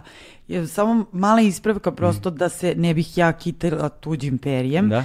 Znači, ja mislim da je najlavovski posao bila ono analiza tih doktorata, svih okay. tih aktera i tako dalje a zapravo u nekim situacijama i doći do tih doktorata, mm -hmm. pošto su i to je bio problem i to je radila, e, mi smo svi nekako e, se spontano okupili, tako reći, nismo sad nešto se mi unapred organizovali da se time bavimo, poznavali smo se što sa fakulteta, iz debatnog kluba, odavde odande, nije ni bitno, ali znači najveća zasluga za plagijate konkretno je na ljudima koji su analizirali plagijate, to je ona čuvena trojka iz uh, iz eh, Londona, profesor Karapanča naravno i recimo Anđela Milivojević, novinarka, istraživačka novinarka i moja draga koleginica koja je recimo u konkretnom slučaju uh, mislim da je, ne, zapravo sam sigurna da je ona došla do Stefanovićevog uh, doktorata. Što I da nije bilo jednostavno. Naravno da nije, to je bilo na megatrendu. Ja se u stvari dan danas pitam kako li su oni napravili tu grešku, ali dobro, nije ni bitno. Znači, žena, ona je to to izgurala. Za doktorat malog nisam ni sigurna kako je do, do ko je i kako došao do njega. E sad, znači, moja uloga u svemu tome... U kom trenutku ti ulaziš u tu priču? E, znači, prije nego što su objavili uh, Stefanovićev, plag, uh, priču o Stefanovićem plagijatu, poenta je bila u tome što, znači, ta teza ne, da sa, ne samo da je totalna budalaština i glupost i plagijat, znači nije samo plagijat, nego zapravo je i nema veze s vezom uh, uh, nije, nije dobra u smislu te materije kojom se bavi. Aha. Ovaj, dakle, ne samo što je plagijat, nego je loše napisano. Loše napisano, jer to je nešto sve zbrda s dola, to je nešto, znaš, ono, sa, znaš, nema ni glavu ni noge. Ovaj, a, a zapravo je problem bio što su njegovi Izvini, mentori... možda je platio 50 evra ono pa da mu napišu, znaš kao da, ima to. znači, ja ne znam, ono, ja, znaš, ono, da, da objave nešto onako napisano pod mojim imenom, ja bih rekla, priznajem, nisam ja pisala, znaš, kao, da. whatever, neka drugi ono, uzme e, zasluge, zasluge za, to. za to, odnosno šta god. Uglav, uglavnom, znači, uh, problem sa Stefanovićim doktoratom je to što je on imao E, trojicu mentora. Jedan je Mića Jovanović Megatrend, jedan je jedan francuski profesor, uh, Jean-Jacques Chanaron, ako se ne varam, i jedan je uh, južnokorejac. Mm. E sad, taj južnokorejac je u trenutku kad mi to krećemo jel, time da se bavimo, on je bio predavač na uh, Slobodnom univerzitetu, Freie univerzitetu u Berlinu i zapravo je, da kažem, moj zadatak bio da stupim u kontakt sa njima dvojicom, posebno kao sa ovim koji je u Berlinu, i da ih pitam kako je moguće da su bili mentori na tezi koja postoji samo na srpskom jeziku, a oni ne govore srpski jezik, mm -hmm. na primjer. Tako da sam ja prvo krenula time da se bavim. Ovaj, a, I E, zapravo pre nego što je e, objavljena ova priča, odmah su, jer kako sam ja stupila u kontakt sa, konkretno sa ovim francuzom, znači odmah su krenule pretnje. Prvo, on mi je, e, ne, onda, prvo su mi se javili ovi sa Megatrenda i bili su u fazonu kao, znamo čime se bavite. U smislu, kako su te kontaktirali? Uh, verovali ne, mailom. Stvarno, ostavili da, da. su dokazani Apsolutno, tragon. Apsolutno, ja imam čak ono dokaz, mislim, ono, mailom mi je pretio ovaj, Mića Jovanović. Znaš, sa sve, srdačan pozdrav profesor doktor DRMR za šta se i kasnije ispostavilo da je takođe lažno i da on nikad nije doktorirao na LSI-u, što je godinama tvrdio, što znači da je on, ja mislim da sad proceduralno gledano on nije ni mogao da bude mentor Stefanoviću, jer je uh, njegov dok, doktorat na LSI-u ne postoji. Aha. To se sve u toku, kao kad su se otvarale te afere, uh, saznalo. Anyway, znači moj zadatak je bio da sa njima, sa ovim profesorima porazgovaram, odmah kreću pretnje, znamo šta radite, čita iz, između redova, nemojte to da radite i tako dalje i tako malo uh, Mića mi je pisao mm, da je nešto video, kao znao on o meni nešto, bla, bla, bla, što je naravno jako ne, neprijatno, jer vi u tom mhm. trenutku, on je mentor minus, ministra unutrašnjih poslova i mm -hmm. tako da ako vam neko, ako vam njegov mentor koji je u sred te afere uh, kaže kao raspitali smo se o vama i tako dalje, to su, jel, znaci odnosno to je pokušaj da, da vas stave pod pritisak i da ne, da ne biste o tome izveštavali. Dobro. Međutim, u ovom slučaju taj pritisak nije baš urodio plodom, jer ja mislim da, da se meni tako Mića tad nije obratio i to kao krenuo sa pretnjama, ja verovatno ne bi dublje zagrizla u Megatrend da. i, ovaj, i, i na kraju otkrila to što sam otkrila. A šta je fora? To ima, izvinim što te prekidam, ovaj, uh, Vladimir Nabokov pisac ima, da li je to u Loliti rekao, kaže, izgleda da u prirodi svakog čoveka da zabranu doživljava kao poziv. Da, da, e, to je ovo je bilo to, tako da on je mene tako reći pozvao da se pozabavi malo megatrendom i svim tim međunarodnim fakultetima i tako sam ja došla do ovih ostalih uh, E, stvari koje sam otkrila, ali eto, što se tiče Stefanovića, to je bila moja uloga mm -hmm. i naravno posle to raskrinkavanje megatrenda za Dobro, koji se ispostavilo... Dak, dakle, da. ti si stupila u kontakt sa tim francuskim Jesam i on mi je pretio odmah. Znači, on, on Francuz da, je pretio. Francuz mi je pretio, Korejac uh, se nikad nije javio. Ovaj, I tad sam isto bila malo razočarana reakcijom uh, ovog slobodnog univerziteta. Mislim što u stvari ovako sad kasnije je razumem, on je bio tamo samo gostujući neki predavač mm -hmm. i nisu oni kao, mislim nisu jednostavno bili nadležni da se bave tim problemom. Bave tim problemom, zato što da je bio njihov redovni profesor, možda, nisam ni, ni sigurna, ali tada... Mm -hmm. Dobro. Tako da, Francus mi je pretio tužbama, baš onako tvrdo, onako i, znaš, rekao mi je kako je sve po... Jer je kao tvrdio da ja njega ucenjujem. Mm -hmm. Ne znam kako je došlo do tog zaključka. Ja sam ne, bukvalno ono imala tih par pitanja, kao između ostalog, na kom jeziku ste pročitali tezu i to je to. A što se tiče uh, Siniše Malog, u tom kontekstu je moja uloga bila uh, Siniša Mali je, znači postoji sad, to je isto proceduralno, kao da biste objavili doktorat, vi morate da deo kao neki rad objavite u nekom naučnom časopisu koji ima određene poene i tako dalje. Tako da ja mislim da, da uglavnom e, m, Siniša Mali je imao rad koji je objavljen u jednom e, časopisu jednog nemačkog izdavača, izdavača i to je, uh, taj uh, rad je pisao zajedno sa još nekim autorima, ali je taj rad isto i deo njegovog doktorata. Mm. I, I taj rad je isto kao i, ovaj, kako se zove, kao njegov ceo doktorat, takođe plagijet. Tako da sam ja onda zapravo tog nemačkog izdavača naj, najpre upoznala sa tim, da, se, da je reč o plagijatu i šta je plagirano, znači slala sam im one analize i tak, na, malo sam ih, jel, tako, da kažem, motivisala. Da. o, mislim, ne, nisam ih motivisala, jednostavno sam im pokaz, ukazivala na činjenice i onda su oni taj rad proglasili plagijatom i povukli ga iz tog časopisa. Tako da je to za nas ono koji smo se sve vreme time bavili bio još jedan dokaz da Beogradski univerzitet mora da povuče doktorat, jer kao ako je sad neki nemački izdavač povukao deo, mm -hmm.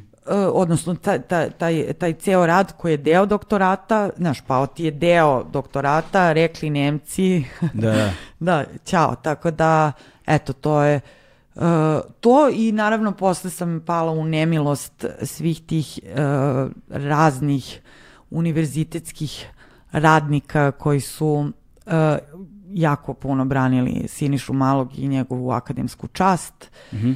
ovaj, tako da ne znam, bila sam i tema nekih tamo internih dopisa između tih od, univerzitetskih odbora, etičkih odbora, ne znam nija. Ali sam isto tako sve te odbore redovno o svakom koraku obaveštavala, ono, preko mailing liste sam im slala sve novosti koje se tiču um, mm -hmm. Siniše Malog i njegovog doktorata, čisto da im ne nešto ne protek, uh, promakne mm -hmm, kad budu da. donosili odluku o tome da li je to plagijat ili ne, tako da, eto. Dobro, to je e, sa, to. e sada, ovaj, uh, to je bilo za uh, Nebojša Stefanovića i Sinišu Malog. Tako je. Znaš, a i onda je krenulo istraživanje pod, uh, na, nakon pretnje za Megatrend. Tako je. Znaš, e kako je to izgledalo i šta je to što si te, ti sve otkrila, mm -hmm. koja je to dokumentacija koju si ti sakupila, koja je kasnije ušla i ceo de, veliki deo to, tvog istraživačkog rada je ušlo u... Ekranizovan, ekrani, ekra, ekranizovan, ekranizovan u dokumentarnom filmu Mega Diplomac. Mega Diplomac, Mega Diplomac koji je, koji je United Grupa pustila. Jest, jest. Ne znam, na N1 ili gde već. Da, da, pa ovaj, zapravo što se tiče Megatrenda, Megatrend je nekada imao tu ovaj, um, međunarodnu mrežu Megatrend univerziteta koji su postojali u Beču, u Tokiju, odnosno u Japanu, um, u, gde su još, uh, u, u Londonu, naravno, mhm. tamo je kao navodno studirao i uh, Nebojša Stefanović, čak i u Vašingtonu se sećam ja. Da. ili u nekoj američkoj državi, međutim za taj konkretan nisam imala dovoljno dokaza ja. i dovoljno materijala da bi to objavila u svom istraživanju i ja sam zapravo otkrila da je celokupna ta mreža lažna, da ti fakulteti uopšte ne postoje, zapravo postoje jedino taj u Beču, ali on je, tu je bila gomila kontraverzi zato što on nikad nije bio akreditovan i tu, su, tu je ispao veliki skandal jer su se oni kao reklamirali kao akre... oni su kupili neki fakultet koji je propadao, došao je Megatrend, uzao taj fakultet, kao nastavio tu da, da uh, uh, se predstavlja kao fakultet koji je akreditovan. Uh, ovaj, e, da bi im onda Austrijanci ubrzo, nakon ne znam nijakoliko, ukinuli akreditaciju, oni su bankrotirali i taj fakultet je zatvoren. Znači, fizički je postojao tamo, samo taj fakultet u Beču. Postojala je zgrada. Postojala je zgrada i postojao je fakultet, ne, ne, uh, znači tamo su išli studenti, ali su studenti uh, tamo sticali bezvredne diplome. Aha. O tome se radi. Iako se Megatrend Beč ili ne znam kako se tada tačno nazivao, e, ovaj, reklamirao kao akreditovani fakultet. Kako si to sve saznala zapravo? Šta znači kao istražila sam i otkrila? Kako si otkrila? kao sediš na internetu i kopaš. Znaš, sediš i kopaš ono, da. kao ja sam krenula konkretno od to njihovog hoću, da, sajta. Mislim, mislim da. to hoću da kažem, dakle to su sve informacije koje da. su negde zapravo javno dostupne ukoliko se dovoljno potrudiš. Nije to sad Tako nešto je. što je bilo zakopano pod nekakvim ne, velom ne, ne. tajne, je... pod nekakvim pečatima. Negde. Ne, ne, ne, ne, ne, samo ono, to je bukvalno informacije, znači e, početna stanica je bila sajt Megatrend univerziteta tu, tu, je, tu je bilo svega. Znači, oni su tu reklamirali te, te programe, tamo su objavljivali vesti o recimo kako je na otvaranju tog japanskog megatrend univerziteta vi imate kao svečno otvaranje gde, na kome sedi um, ovaj ambasador japanski u Beogradu i uh, iz Be da, u Beogradu i uh, Željko Obradović ili Žarko Obradović, kako se zove ovaj? Da Žar, Ža, Žarko Obradović, Žarko, Žarko Obradović iz SPS-a, koji, ja mislim, e, e, koji prvo što je bio ministar obrazovanja e, jako dugo, zatim je stalno bio u tim odborima za visoko obrazovanje i tako dalje. Već sam jednom rekla, on se baš izvuko što se tiče ovoga svega, jer je očigledno da je njegova uloga u celom tom, u toj mm -hmm. megatrend piramidalnoj šemi ili znaš one toj prevari zapravo uh, mnogo veća nego Aha, okay. nego što to uh, što su jel što se o tome zna i uh, da, dakle, eto, ta, ja sam krenula od Megatri e, sajta i onda polako, jel, sve što mi je bilo sumnjivo, recimo, isto mi je upalo u o, oči to kao, kakve bre škole u Londonu? Mislim, da. šta, znaš, kao, dakle, mići Megatrendu škola u Londonu i onda sam krenula da kopam po registrima, e, britanskim APR-ovima, onda nekim, e, da kažem, e, bazama podataka, ministarstva obrazovanja da vidimo uopšte da li kao tu postoji bilo šta što je tako registrovano. I na kraju ono terenski rad šta kaže sajt, aha, gde adresa, onda pošalješ čoveka da ti proveri tamo šta se nalazi na toj adresi i onda kad smo konačno shvatili da na tim adresama u Londonu ne postoje nikakvi kampusi, ništa, znaš, to je ono obična zgrada, I to je to. I onda, i onda tek shvati, mislim, bilo je meni jasno pre toga kad sam gledala ono u APR-u koliko je koja je vrednost kompanije, znaš kako može Brit, uh, uh, uh, univerzitet u Londonu da ti vredi ono par stotina funti. Da. Znaš. Tako da, eto, to se nekako sve krenulo da se odmotava to klupko. Uh, I uh, da kažem eto da prvo istraživanje koje se tiče megatrenda je to što smo to što što sam razotkrila da apsolutno ni jedan od tih da da, da celokupna ta međunarodna mreža univerziteta, univerziteta ne postoji. Ono što nisam uspela da dokažem, a to je ovaj ja mislim da je to isto ključna stvar kada govorimo o svim tim sumnjivim privatnim univerzitetima je nacionalno telo za akreditaciju. Znači ja sam od njih tada tražila da mi daju e, celokupnu akreditacionu e, dokumentaciju Megatrenda da bih, kako bih proverila da li se u bilo kojoj njihovoj akreditaciji spominju ti međunarodni univerziteti, jer bi to bio uh, osnov za oduzimanje akreditacije Megatrendu i oni mi to nikad nisu dali, ja sam se i žalila i povereniku, čak sam i tada razgovarala, ne sjećam se kako se zvao tada čelnik, jel te, državne institucije i njegov razlog je bilo kao pa kako, kako, ne, znate vi kolika je to dokumentacija, kao ne možemo mi to vama kao da, da šaljemo u Nemačku. Jer ako ne, ne interesuje me kolika je, znači hoću uvid u tu dokumentaciju na što imam pravo, jer to, je, to su informacije od javnog značaja, po tom osnovu sam ih tražila. Uh, I m, to nikad nisam dobila, on mi je poslao nešto totalno levo, recimo, što nikad nisam tražila.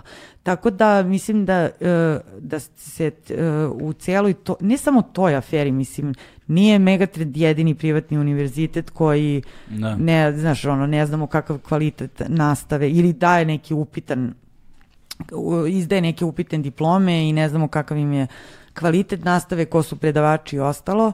Postoje XY, ja mislim da svako selo u Srbiji uh, danas ima privatni fakultet, ovaj, a zapravo je ključno pitanje uh, tih, da kažem, standarda koje propisuje država i ko, a koje treba da kontroliše to nacionalno telo za akreditaciju ili, ne znam, nisam sigurna, mislim da su promenili ime, nije ni bitno, poenta je tu, znači postoje, postoji telo koji, koji se bavi uh, procenom kvaliteta i dodeljivanjem akreditacije tim univerzitetima u slučaju Megatrenda nikad nisu reagovali i prosto se postavlja pitanje zašto je to tako. Da. Ovaj, tako da, uh, kažem, znači, ne, neke, neke brojne dakle sve ono što su ljudi videli, sve ono što su čuli, dakle ti si bila jedan veliki deo toga, posebno kada je uh, Megatrend i mega, mega diplomac u pitanju i ceo taj korpus istraživačkog rada koji si da obavila, ne bi li to bilo ono javno dostupno, ali sada pređemo malo na ovaj na neke druge teme i mislim imamo ovde ja sam zapisao boga mi preko on 12 različitih tema za razgovor ovde. Nećemo mi ni stići sve to da pokrijemo, ali nema veze. Se vratimo malo na taj magazin i sada da Aha. da pređemo jednu skroz drugu oblast. Ajde ovaj, koja se bavi pre svega izbegličkom krizom, jer to je nešto čime si ti, ti takođe puno bavila. I imala, radila si na članku koji se zove Finding Home. Tako je. Tako ok, hoćeš da kažeš o čemu se radi? E, to je bio jedan fenomenalan projekat, mislim, jako mi je drago da sam im, imala tu sreću da, da budem deo tog tima. Mislim, s jedne strane opet uh, tužan, naravno, mm. nije bilo lako raditi na tome, a s druge strane mi je bilo drago da je u kontekstu izbeglica i tih migracija koje, kojima svedočimo već e, posebno ovim sad od kada se dešavalo sve što se dešavalo u Siriji, u Afganistanu i tako dalje, e, e, projekat koji se tiče žena. Znači mi smo, zapravo projekat prati e, tri trudnice koje smo upoznali u uh, kampovima u Grčkoj mm -hmm. i uh, to su tri trudnice i pratimo ih do uh, dok to dete koje su tada imala u, ste, u stomaku ne napuni godinu dana. Aha. Znači taj projekat je trajao 18, 18 meseci I e, ideja je bila jel, da se predstavi ta ženska perspektiva, šta znači biti trudnica. Vi ste i za ono... taj članak dobili nagradu neku.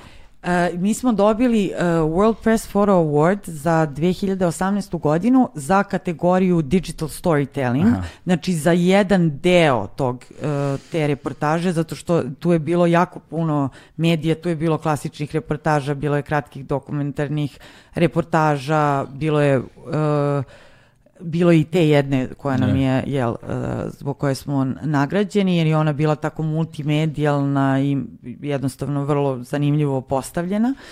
Ovaj, ali da, eto, bilo mi je drago da sam radila na tom projektu jer se ticao žene. Izvini, ticao mislim, se... za sve ove priče Da. koje pričamo, posebno za ove velike međunarodne teme, ja ću da stavim linkove u opis epizode, pa Ok. ljudi mogu da pročitaju, da pogledaju, da se raspitaju dalje i tako Da, to. da, da, Ajde, ok, nastavimo. hvala.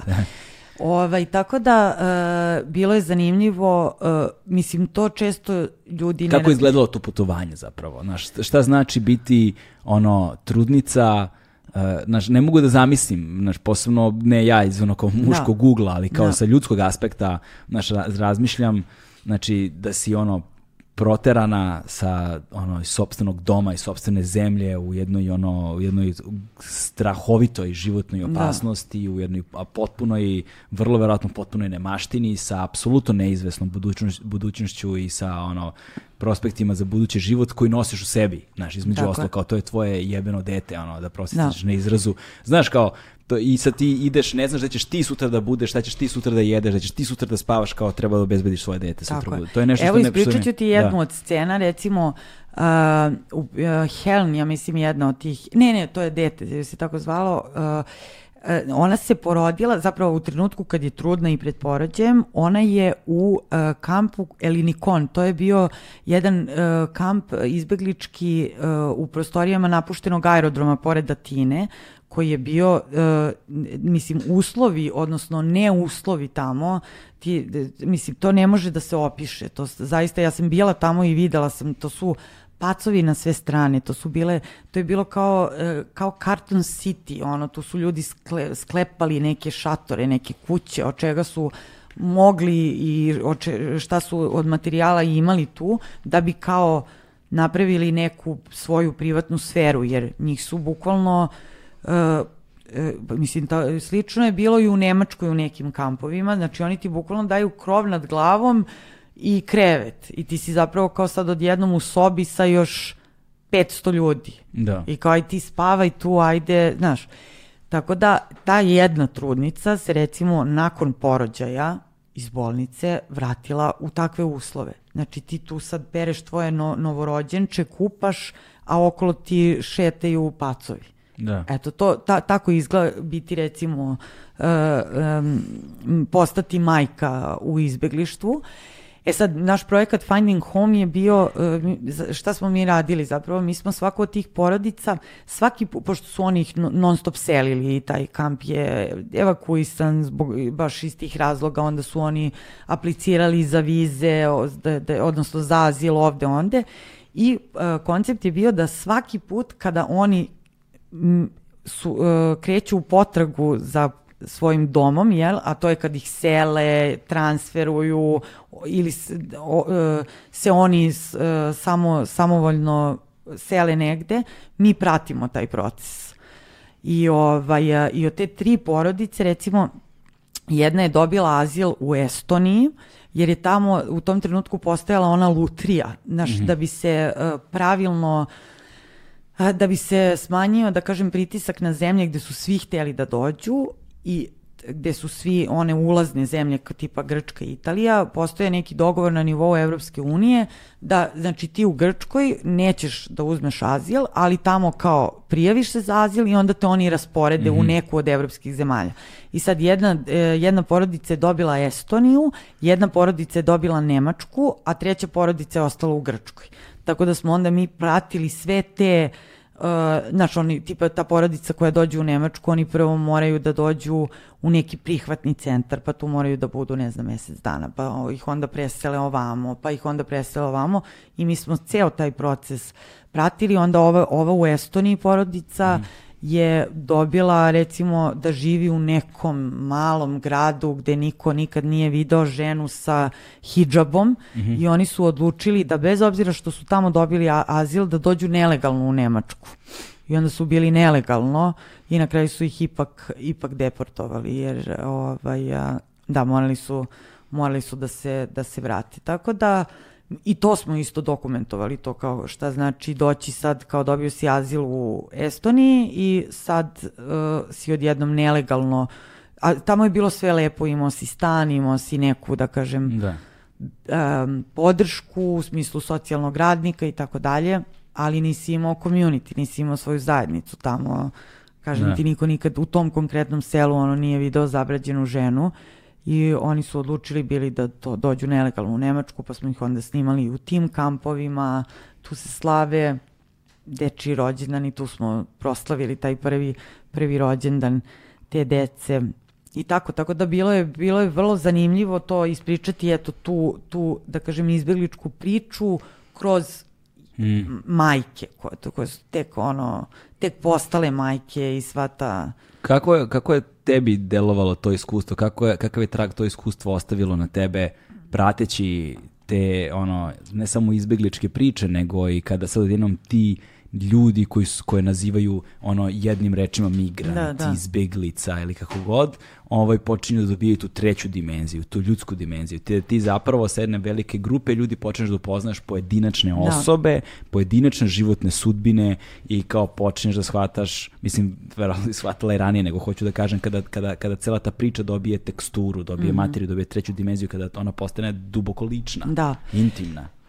Ja sam već govorila, mislim, moj, uh, meni je to rad sa izbjeglicama i i, i kroz ovaj novinarski rad ja sam posle jako puno i uh, na nekim dru, drugim projektima koji se njih tiču radila. Meni je to definitivno promenilo život iz razloga što uh, Uh, uh, promenilo mi život na bolje prosto, opleme, mm. oplemenilo ga, jako puno sam naučila o nekim drugim kulturama sa kojim do tada nisam nužno imala puno dodirnih tačaka. Međutim, ono što je bilo ključno je to, uh, ti kad stvarno sedneš i pora, porazgovaraš sa tim ljudima, kao čuješ kako se zovu, da. koja je njihova priča i da oni nisu samo ti neki, ono, neka brojka koja je ušla u, ili stigla u Berlin ili gde god tog dana, ja sam u njima prepoznajala, znaš, kao uvek sam, to može da bude tvoj otac, da. neki čovjek koga upoznaš, on je tu sličnih godina, znači moglo je to isto tvom ocu da se desi, da se da. on sada nađe u toj situaciji, tvoj komšija, tvoj najbolji prijatelj, ti na kraju da. krajeva, i ovaj i, i, i odatle mislim da kažem i u tom nekom mom aktivističkom radu svi ti pozivi na solidarnost sa tim ljudima jer mislim da ovo što im se trenutno dešava i ovi uh, ileg, ilegalni pushbacks iz uh, Hrvatske i to kako ta, ta vrsta maltretmana i tih jadnih ljudi koji zaista jedino što žele je neko bolje sutra za sebe i svoju porodicu, a mislim da na to apsolutno svako od nas ima pravo. Da, mislim, ne tako davno mi smo bili ti koji su se nalazili u vrlo sličnim okolnostima i kao pro, ljudi sa prostora bivše Jugoslavije da. i kao, znaš, mislim, nemoguće je da nam je pamćenje tako kratko kada su tako ekstremne stvari u pitanju, znaš. Ali ovaj, bože moj, ne, ne, ne, ne želim da, Da. Glasno, glasnogovornu manjinu istovećujem sa celokupnim narodima, tako da ne, do, ne, Tako ne, je. ne slučajno. I to je stvarno, mislim, ajde, eto, to, i da pohvalimo nešto, e, naravno da postoji pro, jako puno problema u prihvatanju izbeglica u Srbiji konkretno, ali da kažem, mogu da kažem da smo sačuvali obraz tu Da. u nekom smislu, problematične su sad ove neofašističke falange, tipa, ne znam, narodne patrole, Leviatan i Da. ostali e, neonacisti koji se tu organizuju, ne znam, dižu paniku, ovaj, a, Napadaju na nam žene, to je ta flos- Napadaju nam žene ili ne god. znam ni ja šta, ono, ne znam, Da, ko- ne- da ne koji je ulazimo, da. nećemo ono njima. Da kažem, to je da ružna strana i zapravo to bi moglo malo da se više zauzda da ima neke volje. Ovaj, ali e, generalno Prvi godinu Da. i po dana kada je bio onaj najveći talas izbeglištva, čini mi se da smo mi tu zapravo odradili jedan ono zaista ljudski posao sa, na, barem ono što sam ja video Da, da. svojim očima ovde u Beogradu, način na koji su se ljudi organizovali, donosili ne, neophodne ono Da. sanitarije, osnovne za osnovnu higijenu, prehrambene proizvode i tako dalje. Veliki broj tog najvećeg korpusa izbeglica koje dolazi ovde ipak je bio tretiran sa nekakvom vrstom dostojanstva. Jest, ono. Jest. I sa nekom solidarnošću. Malo su, malo su tukli panduri na granici.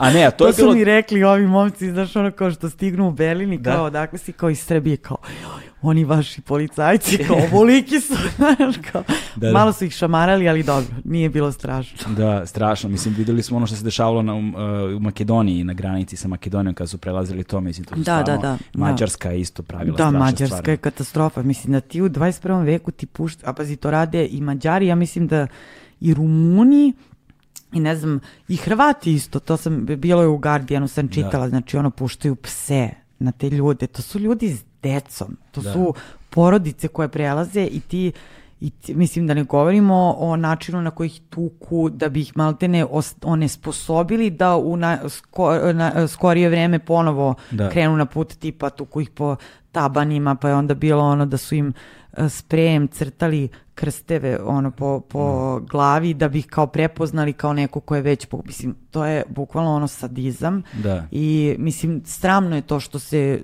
to dešava jel, u srcu Evrope a, i o tome što se mis, jako malo se preduzima da, da bi se sprečili takvi Zato što stvari. zato, zato ja uvek govorim o toj trećoj dimenziji ljud, ljudskosti, znaš, Da. zato što u, u ovom kontekstu će to uvek biti neko drugi sa velikim D, neki drugi i drugačiji, znaš, oni se nas ne tiču, to nisu naši životi, Da. to nema nikakve veze sa nama, to je neki paralelni univerzum, neka druga planeta, neka druga rasa, nešto drugo. Mislim, to je taj način razumevanja drugačijeg je Da. nešto što mi ono mi smeta na toliko nivoa kao i onda sam znaš, i intimno, individualno naši kao na nivou društva, onda sam ljudi ovaj kao to su ljudi jebe znači kao o čemu mi o čemu mi razgovaramo i ceo taj narativ koji se gradi ono što je najstrašnije jeste kako kroz društvene mreže kroz te sredstva javnog informisanja nazovimo ih tako u nedostatku boljeg termina ili da ne upotrebljavamo neke ružnije reči ovaj se stiče ta dominantna slika onoga kako se oni predstavljaju i kao ovaj koja apsolutno nije tačna i način na koji se predstavlja stav nacije koji apsolutno nije tačan. Da. To je ono što mi jezivo smeta, znači što će sutra u komentarima da se javi šta 20 njih ono glasnogovornih koji će ne znam šta o caps locku da napišu i kao, znaš, i onda kad neko dođe vidi to, misli to je javno Da, mišljenje. da, da, da. Nije to javno mišljenje. Najveći broj ljudi se ne javlja i kao ne komunicira, ali Da. imaju šta oni intimno misle i na koji način se odnose prema tome i to su najčešće pozitivne stvari. Da. Jer ipak jednog trenutka kada se susretnemo fizički jedan na jedan, ti doživiš ljudsku sudbinu i to vrlo lako razoruža bilo koga ko ima bilo kakve predrasude. Upravo Ali treba to. stići do te tačke, evo. Znaš, nije, nije baš blizu taj put danas, iako delo je da jeste. Ti si pored toga radila još jednu priču za Al Jazeera Balkans, čini mi se. Aha, Jel tako? O, ne izbeg, znam o, da li je ko, koja. a, o izbeglicama sa Grčka, Srbija... Aha, ne, e, to je bila za en- englesku Al Jazeera. A za englesku Da, Al da. Jazeera, za Da, englesku, da, izvini, da. izvini, za Da. englesku Al Jazeera. A, šta si u okviru toga radila?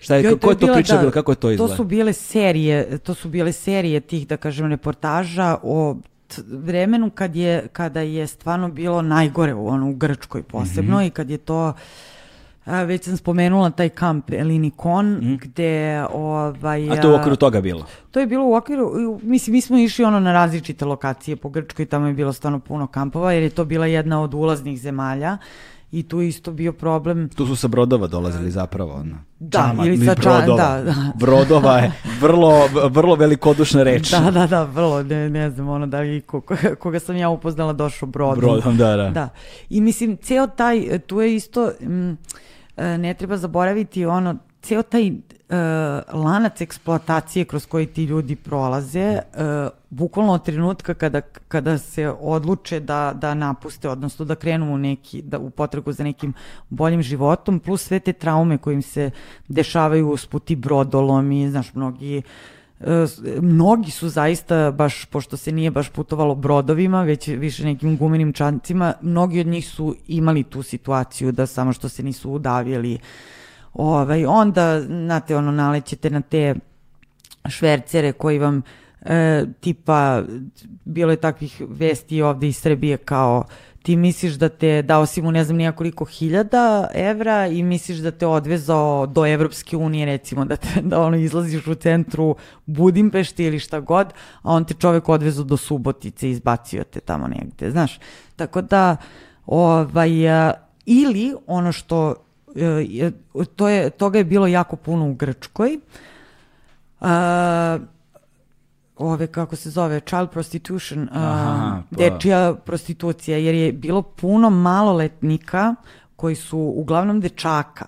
Jer, eto i taj mit da razbijemo, kao zašto dečaci? E, zato što niko pri zdravoj pameti uh, ili redko ko bi poslao devojčicu, odnosno pošto su fizički, da, da kažem, slabije, a i na tom putu uh, iz Afganistana recimo do Nemačke, svašta može da im se desi.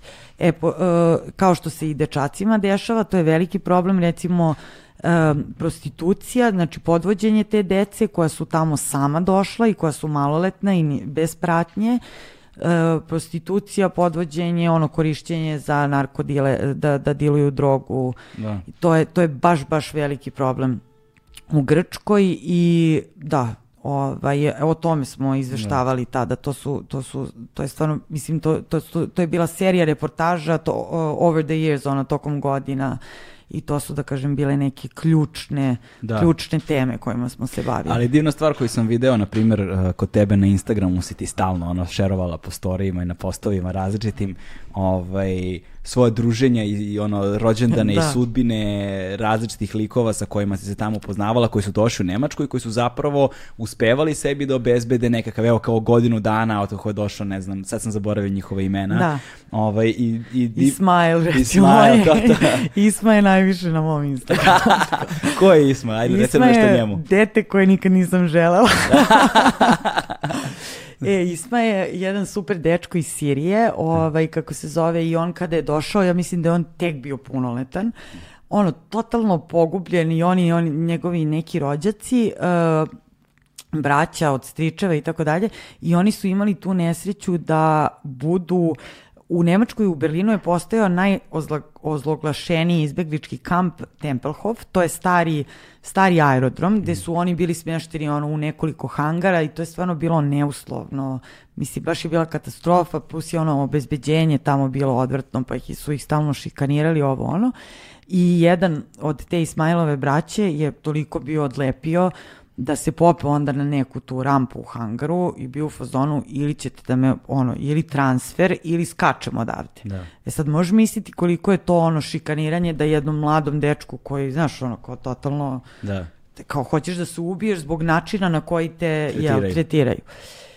I uh, onda su oni došli, uh, ja sam tad već krenula da radim sa izbeglicama ono kod mene u kraju i došli su u taj kamp gde, uh, gde sam ja radila i uh, sećam se da su mi tada najavili tog dečka kao agresivnog, da vodim računa, znaš, o tome, kao, pošto je, kao dolazi pod pratnjom i policija, ovo, ono, i dečko dolazi, a on bukvalno, ono, uplašen, ovako trese se, ima 30 kila sa sve krevetom, i kao, znaš, ono, ne znaš, ne može da se smiri otprilike od, od celog tog stresa. Long story short, i Isma i cela ta ekipa je ostala u tom kampu i onda smo se mi tako združili i ovaj, a, znaš, oni su prošli jedan, da kažem, normalan put, e, došli su tu, upisali su škole nemačkog jezika, sad su već ono završili, do, dobili određene, ne znam, sertifikate, sad uh, Isma uh,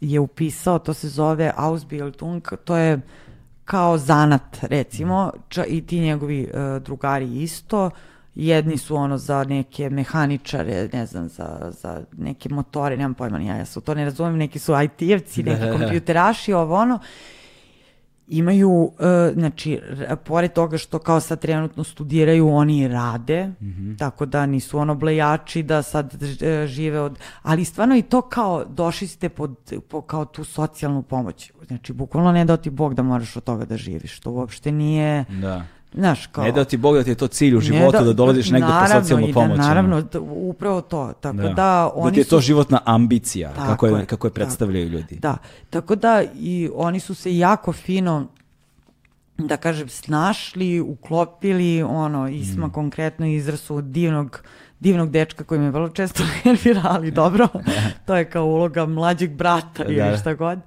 Ovaj, ali eto, to je jedan, da kažem, uh, uh, ono uspešna mm. success story odlaska da. u Nemačku. A s druge strane imaš recimo E, znaš, različite su te, te izbegličke priče. Isto moj super drug Ramadan, on je isto um, sirijac. On je recimo u Siriji bio poznati TV glumac, komičar. I imao je super karijeru, znaš, pokazivali su mi ono klipove na internetu uh, sa tih njegovih filmova i njegov, su, njegov sin je učestvovao na um, demonstracijama protiv Asada i ubijenje. I ubrzo nakon toga uhapse Ramadana i on je bio u zatvoru tu gde su ga ono mučili, maltretirali i tako dalje i bukvalno je uspeo da izađe iz zatvora samo zbog toga što, što je poznat ono i neko i poznavao je neko ko je uspeo da mu sredi da izađe iz tog istražnog zatvora iz koga se re, redko ko živ vraća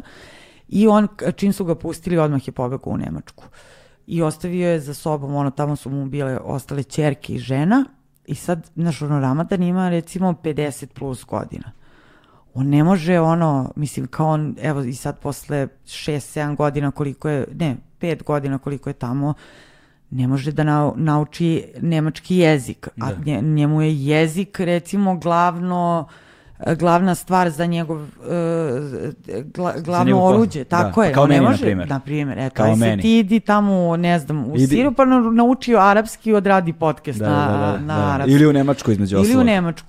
Tako da, znaš, za, za njega, on je sad kao krenuo i uh, radi sa nekim trupama pozorišnim koji, koje se, znaš, okupljaju E, ljude iz Sirije, Afganistana, pa još i nešto kao uspeva da, da, da radi, ali, znaš, kao, gde će on da se, jedino da se prekvalifikuje i za to je mator. Da. Mislim, tako da on će recimo verovatno do kraja života ostati na toj socijalnoj pomoći, da. ali zaista ne do Bog nikome, ono, nije to... I trpeti šikaniranje da. drugih koji ga prozivaju za ko da. zna šta, znaš. Njega boli u ovo. Da.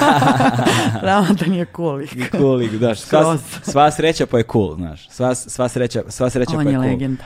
Ovaj, znaš, kao sad bi, znaš, kao sad smo zaređali s ovim, ta, ovim temama, ovaj, um, uh, ovim temama, ali ajde, ajde još jednu pre nego što pređemo na, ali ne, nema puno veselih tema, znaš, kao da li ćemo prvo vakcinaciju, radila se dokumentarni film o, o, yes, o vakcinaciji, ja, da. ovaj, koji je na, na, ceo na nemačkom, nažalost, ako ima link, ono, ja ću da ga stavim, pa imamo jaku da. dijasporu, koje jako puno ljudi iz dijaspore nas sluša, pa mogu da pogledaju dokumentarni film na nemačkom. A boga mi, mnogo, jako puno ljudi se i ovdje nešto nešto uči taj nemački, mislim da se spremaju da dođu, tako da mogu da vežbaju. Mogu, mogu, mogu da vežbaju, da. To je sad jedan podatak, pošto znam da je Hrvatska pre nekoliko godina objavila informaciju i to je bio zvaničan podatak da su postali zvanično zemlja sa najvećim procentom a, mladih koji odlazi iz države od da. trenutka kad su oni zapravo ušli u Evropsku uniju. Da, da. Jel te kad su dobili te EU pasoše, od dugogostiteljstva do ne znam čega, ogrom procenat i da ako se taj tempo nastavi, da ne znam u kom trenutku, ako se to možda već nije desilo, nemam pojma, zaista, zaista ne znam. Dakle, to je nešto samo što ja izločim iz malog mozga kao podatak od recimo jedno 4-5 godina. Da. Ovaj, da je procentualno odnosno broj stanovništva Hrvatska bila zemlja sa najvećim odlivom, zato zbog, jel te, kao posljedica ulaska u Europsku uniju i da će uskoro ostati, ne znam, ispod 4 miliona stanovnika ili tako nešto ako se taj tempo nastavi.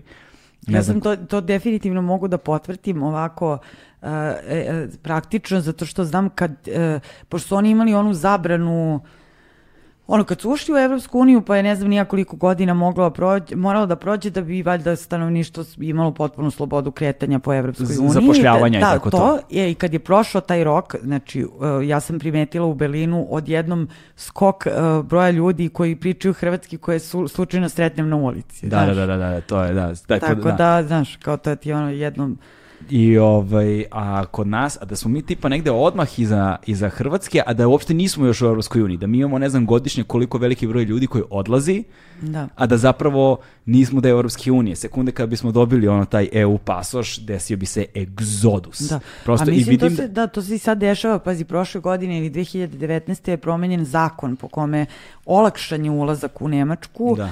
ljudima sa uh, za, određeni Balkana. studija.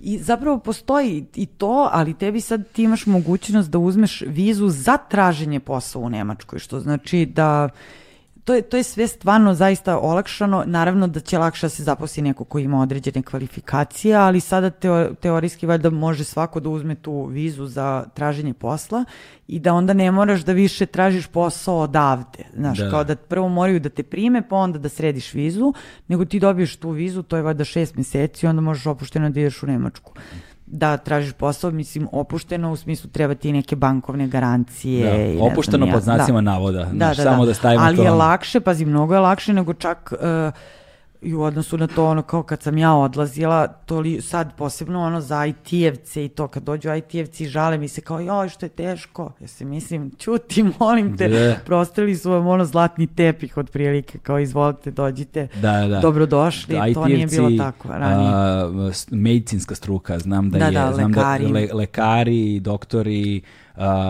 da medicinske braće i sestre, do, na, da li ono, ovi, kako se zovu, od masaža i tako dalje, Da, da, nekakvih da. fizikalnih terapija, a, ovih, a, kako se zovu, staratelja po, po, Da, da, da, po, po, da. po da- domovima staračkim i tako dalje. Znam da cijela ta struka ono traži baš da imaju Da. olakšice.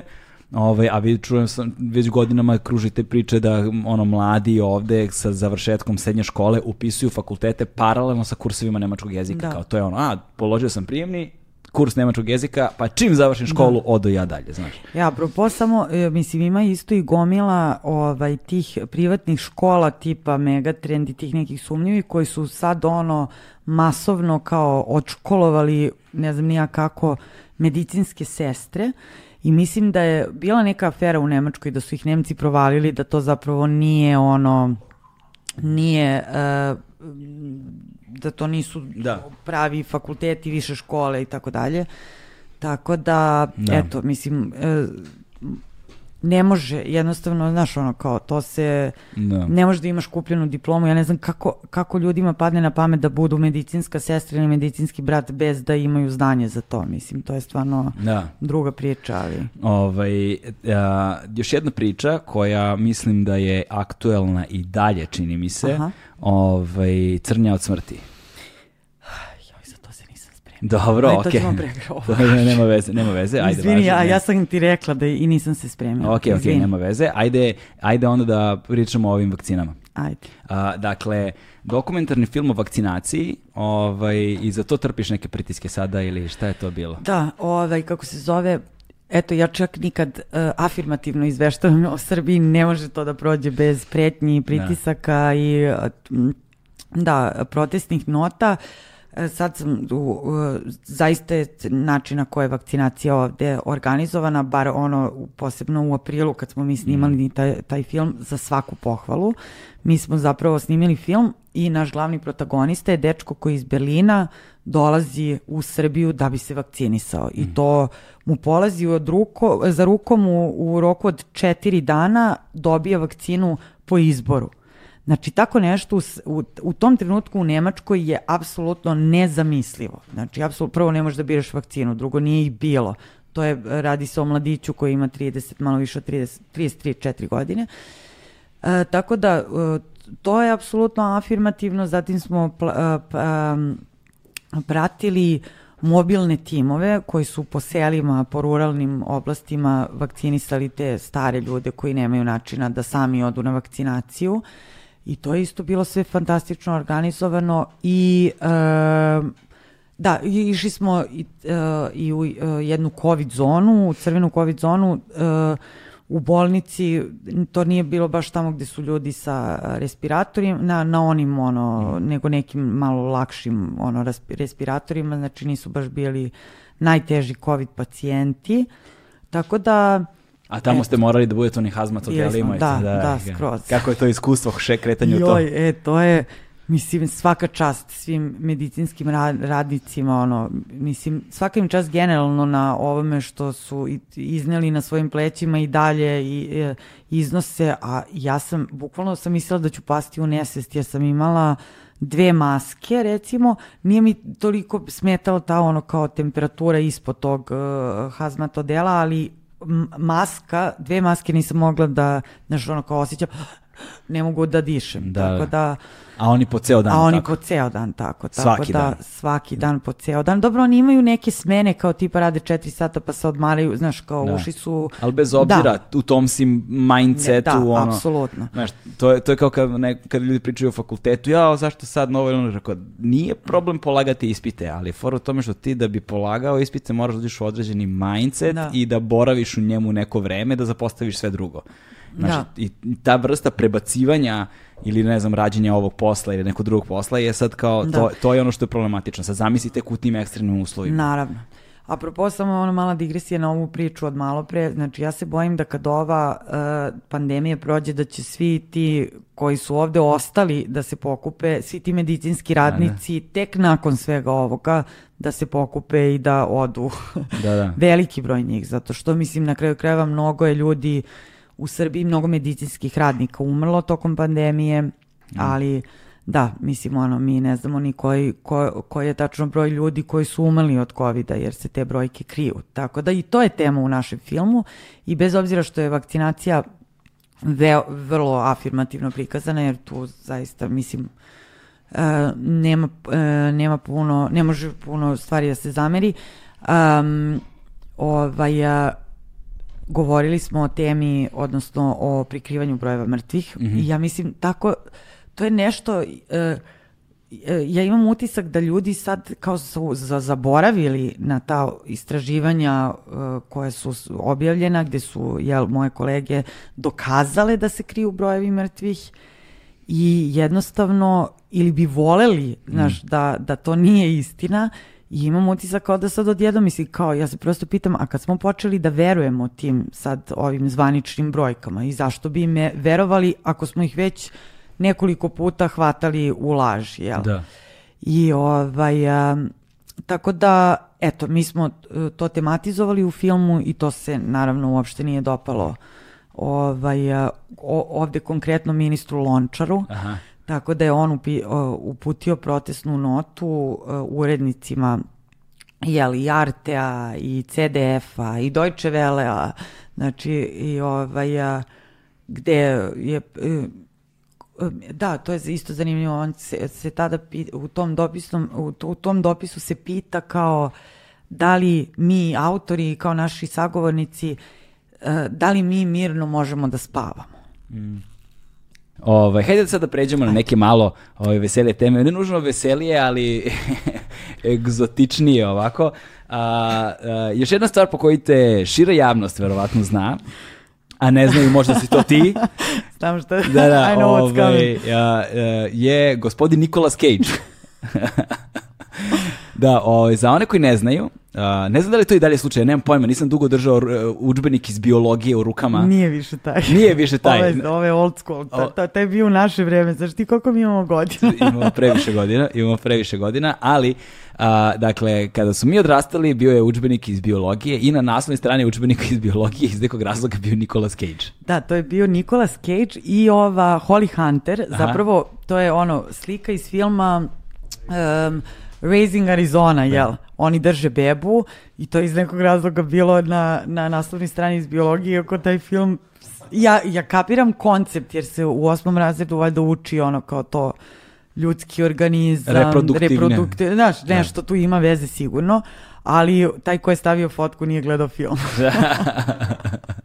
Pored toga što možda nije gledao film, a, nego kao kako je izgledao, ka, znaš, gde je našao fotografiju, gde je ta osoba našla tu fotografiju, kako je, kako je dospela fotografija Nikolasa Gage na naslovnu stranicu učbenika iz biologije?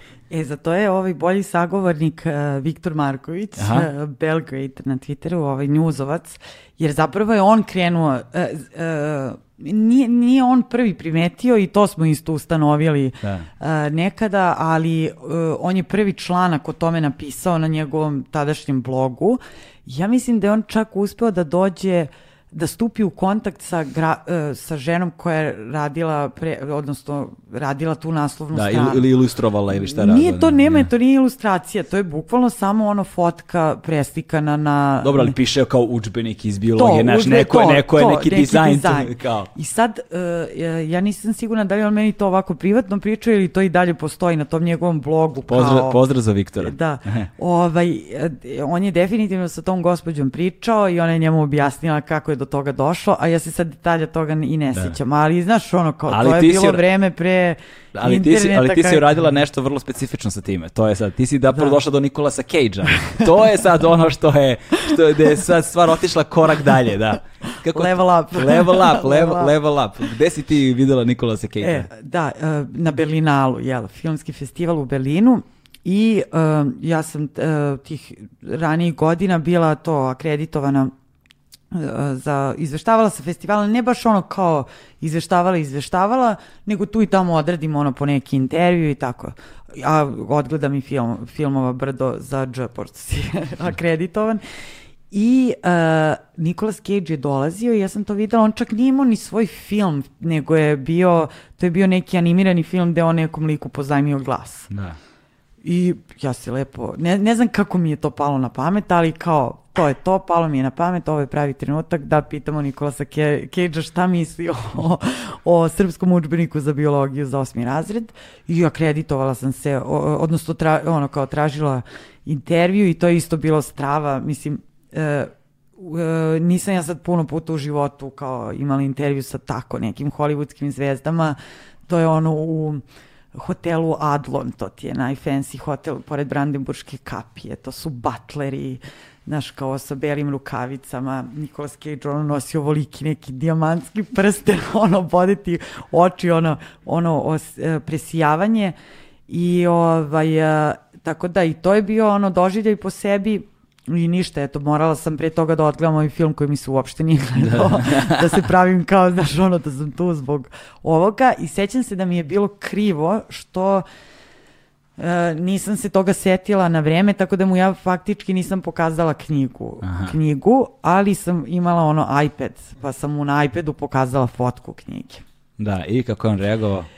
Pa on je reagovao, ok, skroz bio u fazonu kao, bilo mu je to zanimljivo, malo i da. smešno, znaš, kao ja mu ono, držim knjigu i pokazujem mu kao ovo je da. učbenik za osmi razred, kao na kome ste vi, Holly Hunter, bla, bla, bla. I on kao, dobro, kao sve to kao zabavno, simpatično, evo, Holly je nasmejana, tu je beba, sve super. Da, to je bila da, da, njegova reakcija. Politički da. korektan da, odgovor, da, pa da. da. Ne želi čovjek da se ubaci u ko zna kakve probleme. Nikad ne zna on koji je dil nekada možda potpisan ili nije. Ovaj, ali vidiš, tu je možda bio Pelcer uh, tvojih uh, pitanja, razumeš, koje će da ono, uzburkaju javnost, razumeš, kao da, to su... neplanskih pitanja različitim ono, ljud... E, znaš šta, nije, ima malo istine u tome, to je isto bilo top vest, sećam se da me čak i ono, da sam se javljala u neku emisiju Slavka Beleslina. Da, tako zove, Slavko, tako Slavko. Slavka smo svi upoznali na BK nekada. Da, da, da. Nije, ne znam da li je tad bilo na BK, sećam se da me on zvao kao da, da se uključim u program, da, ka, da ono ispričam o tome, bilo je ono u svim mm. novinama i tako dalje. Eto. Da, i ovaj, kad se već pomenula Berlinale, da pomenemo i Serbinale. Serbinale, da. Serbinale, da, to je jedan festival koji smo nekada radili i to više ne postoji. Da. To više ne postoji, ali ono, ko zna, možda jednog dana. Možda se da. revitalizuje, da, živi. Možda, why not? Znaš, kao... S obzirom na to da se naša zajednica toliko povećava u Berlinu. Istina. Ne samo u Berlinu, nego prosto u, u Nemačkoj. A i pored toga, sve veći je broj. Uh, sad mi smo govorili o tim nekakvim strukovnim znanjima, ome onome, ali ne, ne smo da zapostavimo ogroman broj ljudi iz sveta umetnosti koji odlaze u Berlin. Tako je. I tamo pronalaze rezidenture i pokušavaju tamo da pronađu svoje mesto pod suncem, jer im je to dobra baza u kontekstu onom ostvarivanja mreže kontakata, jer kao Berlin je negde postao to ono evropska prestonica kulture za, na, da. neki, da. na, na mnogo različitih načina. S jedne strane dostupna, s druge strane ceo svet se uplivava u taj Berlin, da ne govorim ono Kreuzberg i šta ti ja znam. Da. Ono hipsterska meka. Da. Znaš, kao, to je ovaj kao muslimani ono i hrišćani idu ono u Meku i Jerusalim jel te naš a Berlin, Berlin. hipsteri u Berlin to je to u Kreuzberg znaš da. ovaj Ja ne živim u Kreuzbergu. da naglasimo kao to, vrlo, vrlo važno.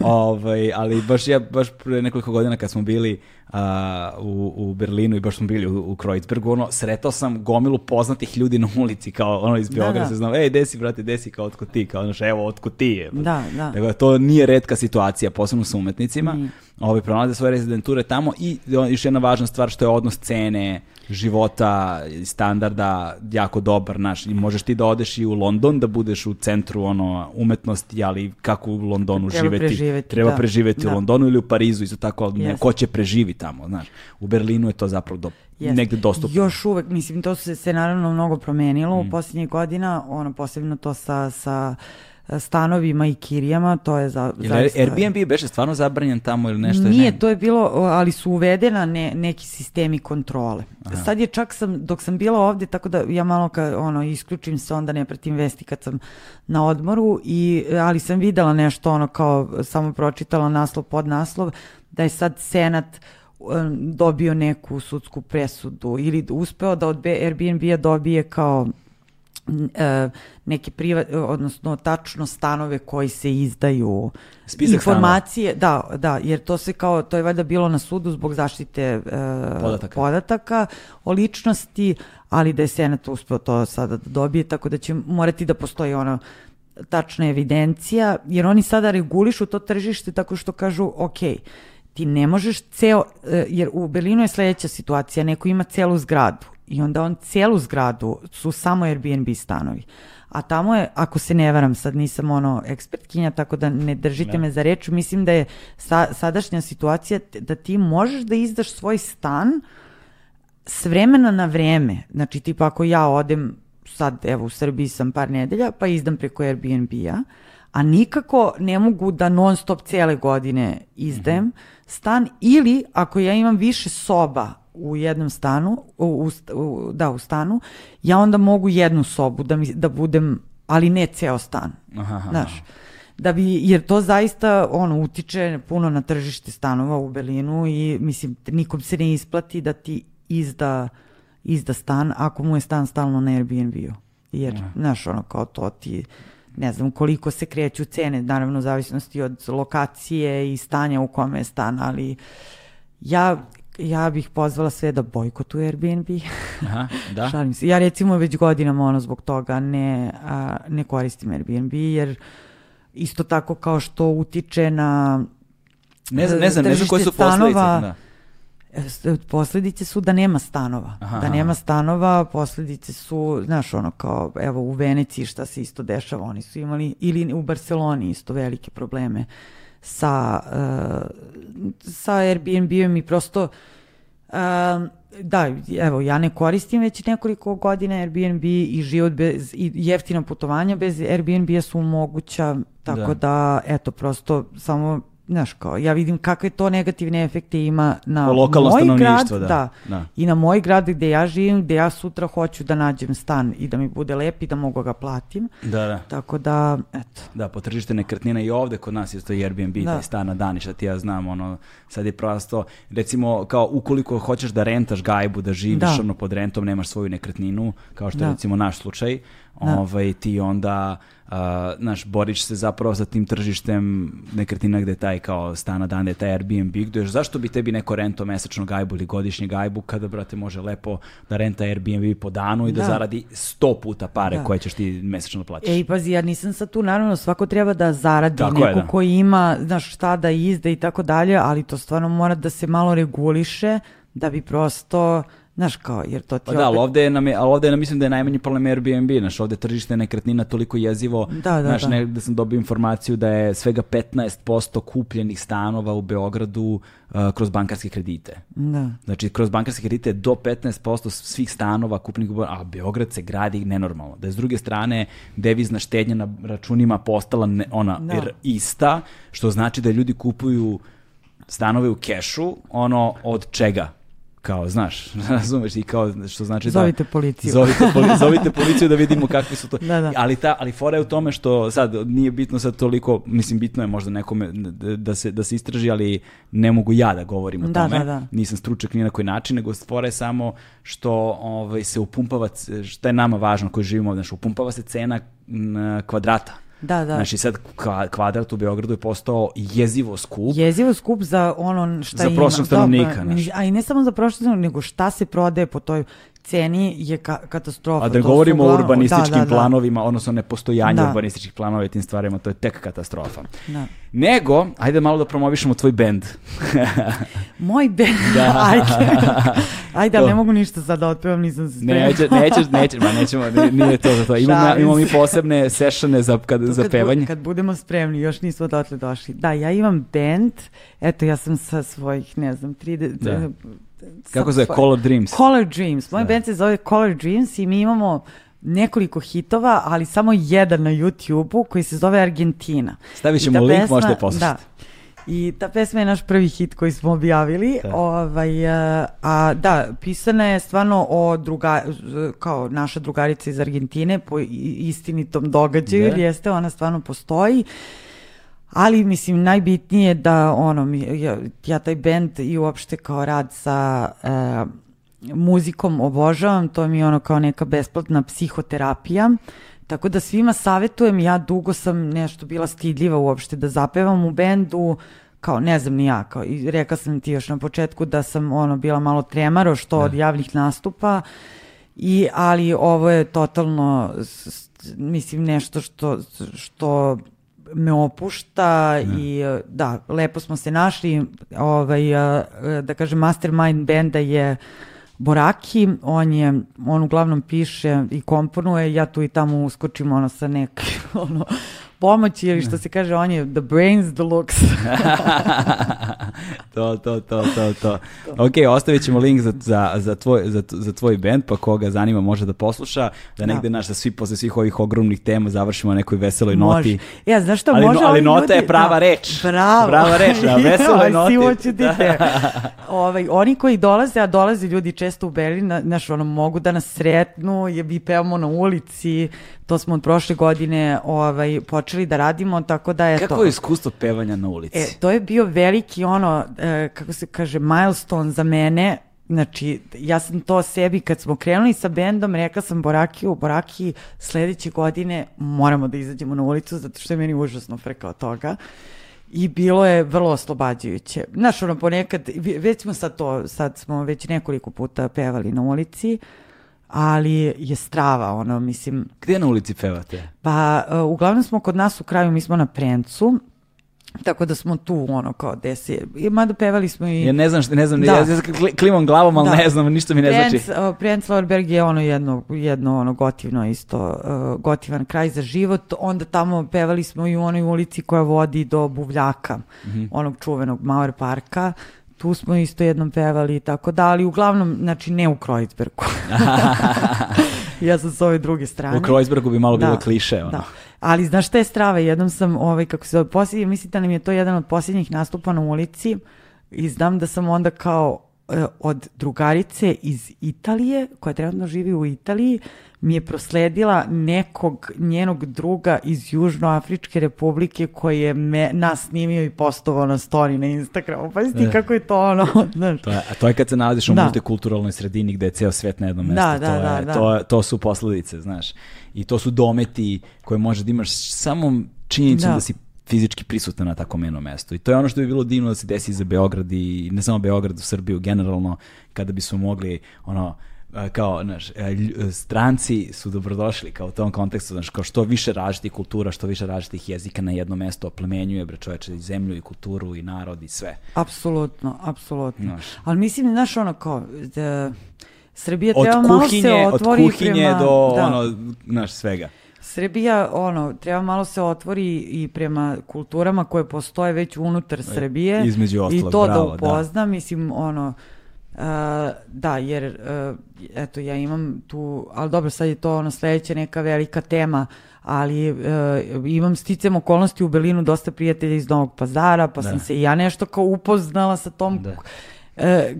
nek- kulturom u smislu prvi put sam otišla tamo i ovaj, kako se zove, e, da, mislim, puno puta i sa njima pričala o tome kako se oni osjećaju kao, jel, e, jedna manjina Mm. islamske veroispovesti koja živi u Srbiji, tako da nije ni njima ono to naj, nije to najbolja pozicija moguća, ovaj i zbog svih tih nekih istorijskih stvari koje Da.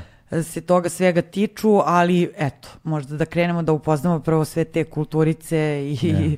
sve ostalo što već postoji ovde, pa ćemo onda možda lakše i da se otvorimo prema svetu. Da se bre rascvetamo lepo kao narod. To Da se rascvetamo. Da. Natalija, hvala ti puno. Pazi, Hvala he, herojski si izdržala, moram da priznam. E, Herojski si izdržala, znam da nisi velika ljubiteljka javnih nastupa i da se boriš sa Hvala, time. hvala. Ovaj, h- tako da divno je bilo, hvala ti puno. Drago mi je da smo najzad uspeli da se vidimo i da snimimo sve ovo. Ovaj, i, I hvala ti što si ostala u Beogradu ovaj, duže samo da bi došla ovde na snimanje. Velika privilegija i čast. I nastavi sa svojim radom baš tako kako radiš. Ono, takvi ljudi kao ti su nam vazda potrebni. Hvala Galebe, hvala. Ajde, gotovi smo. Ćao. Ćao.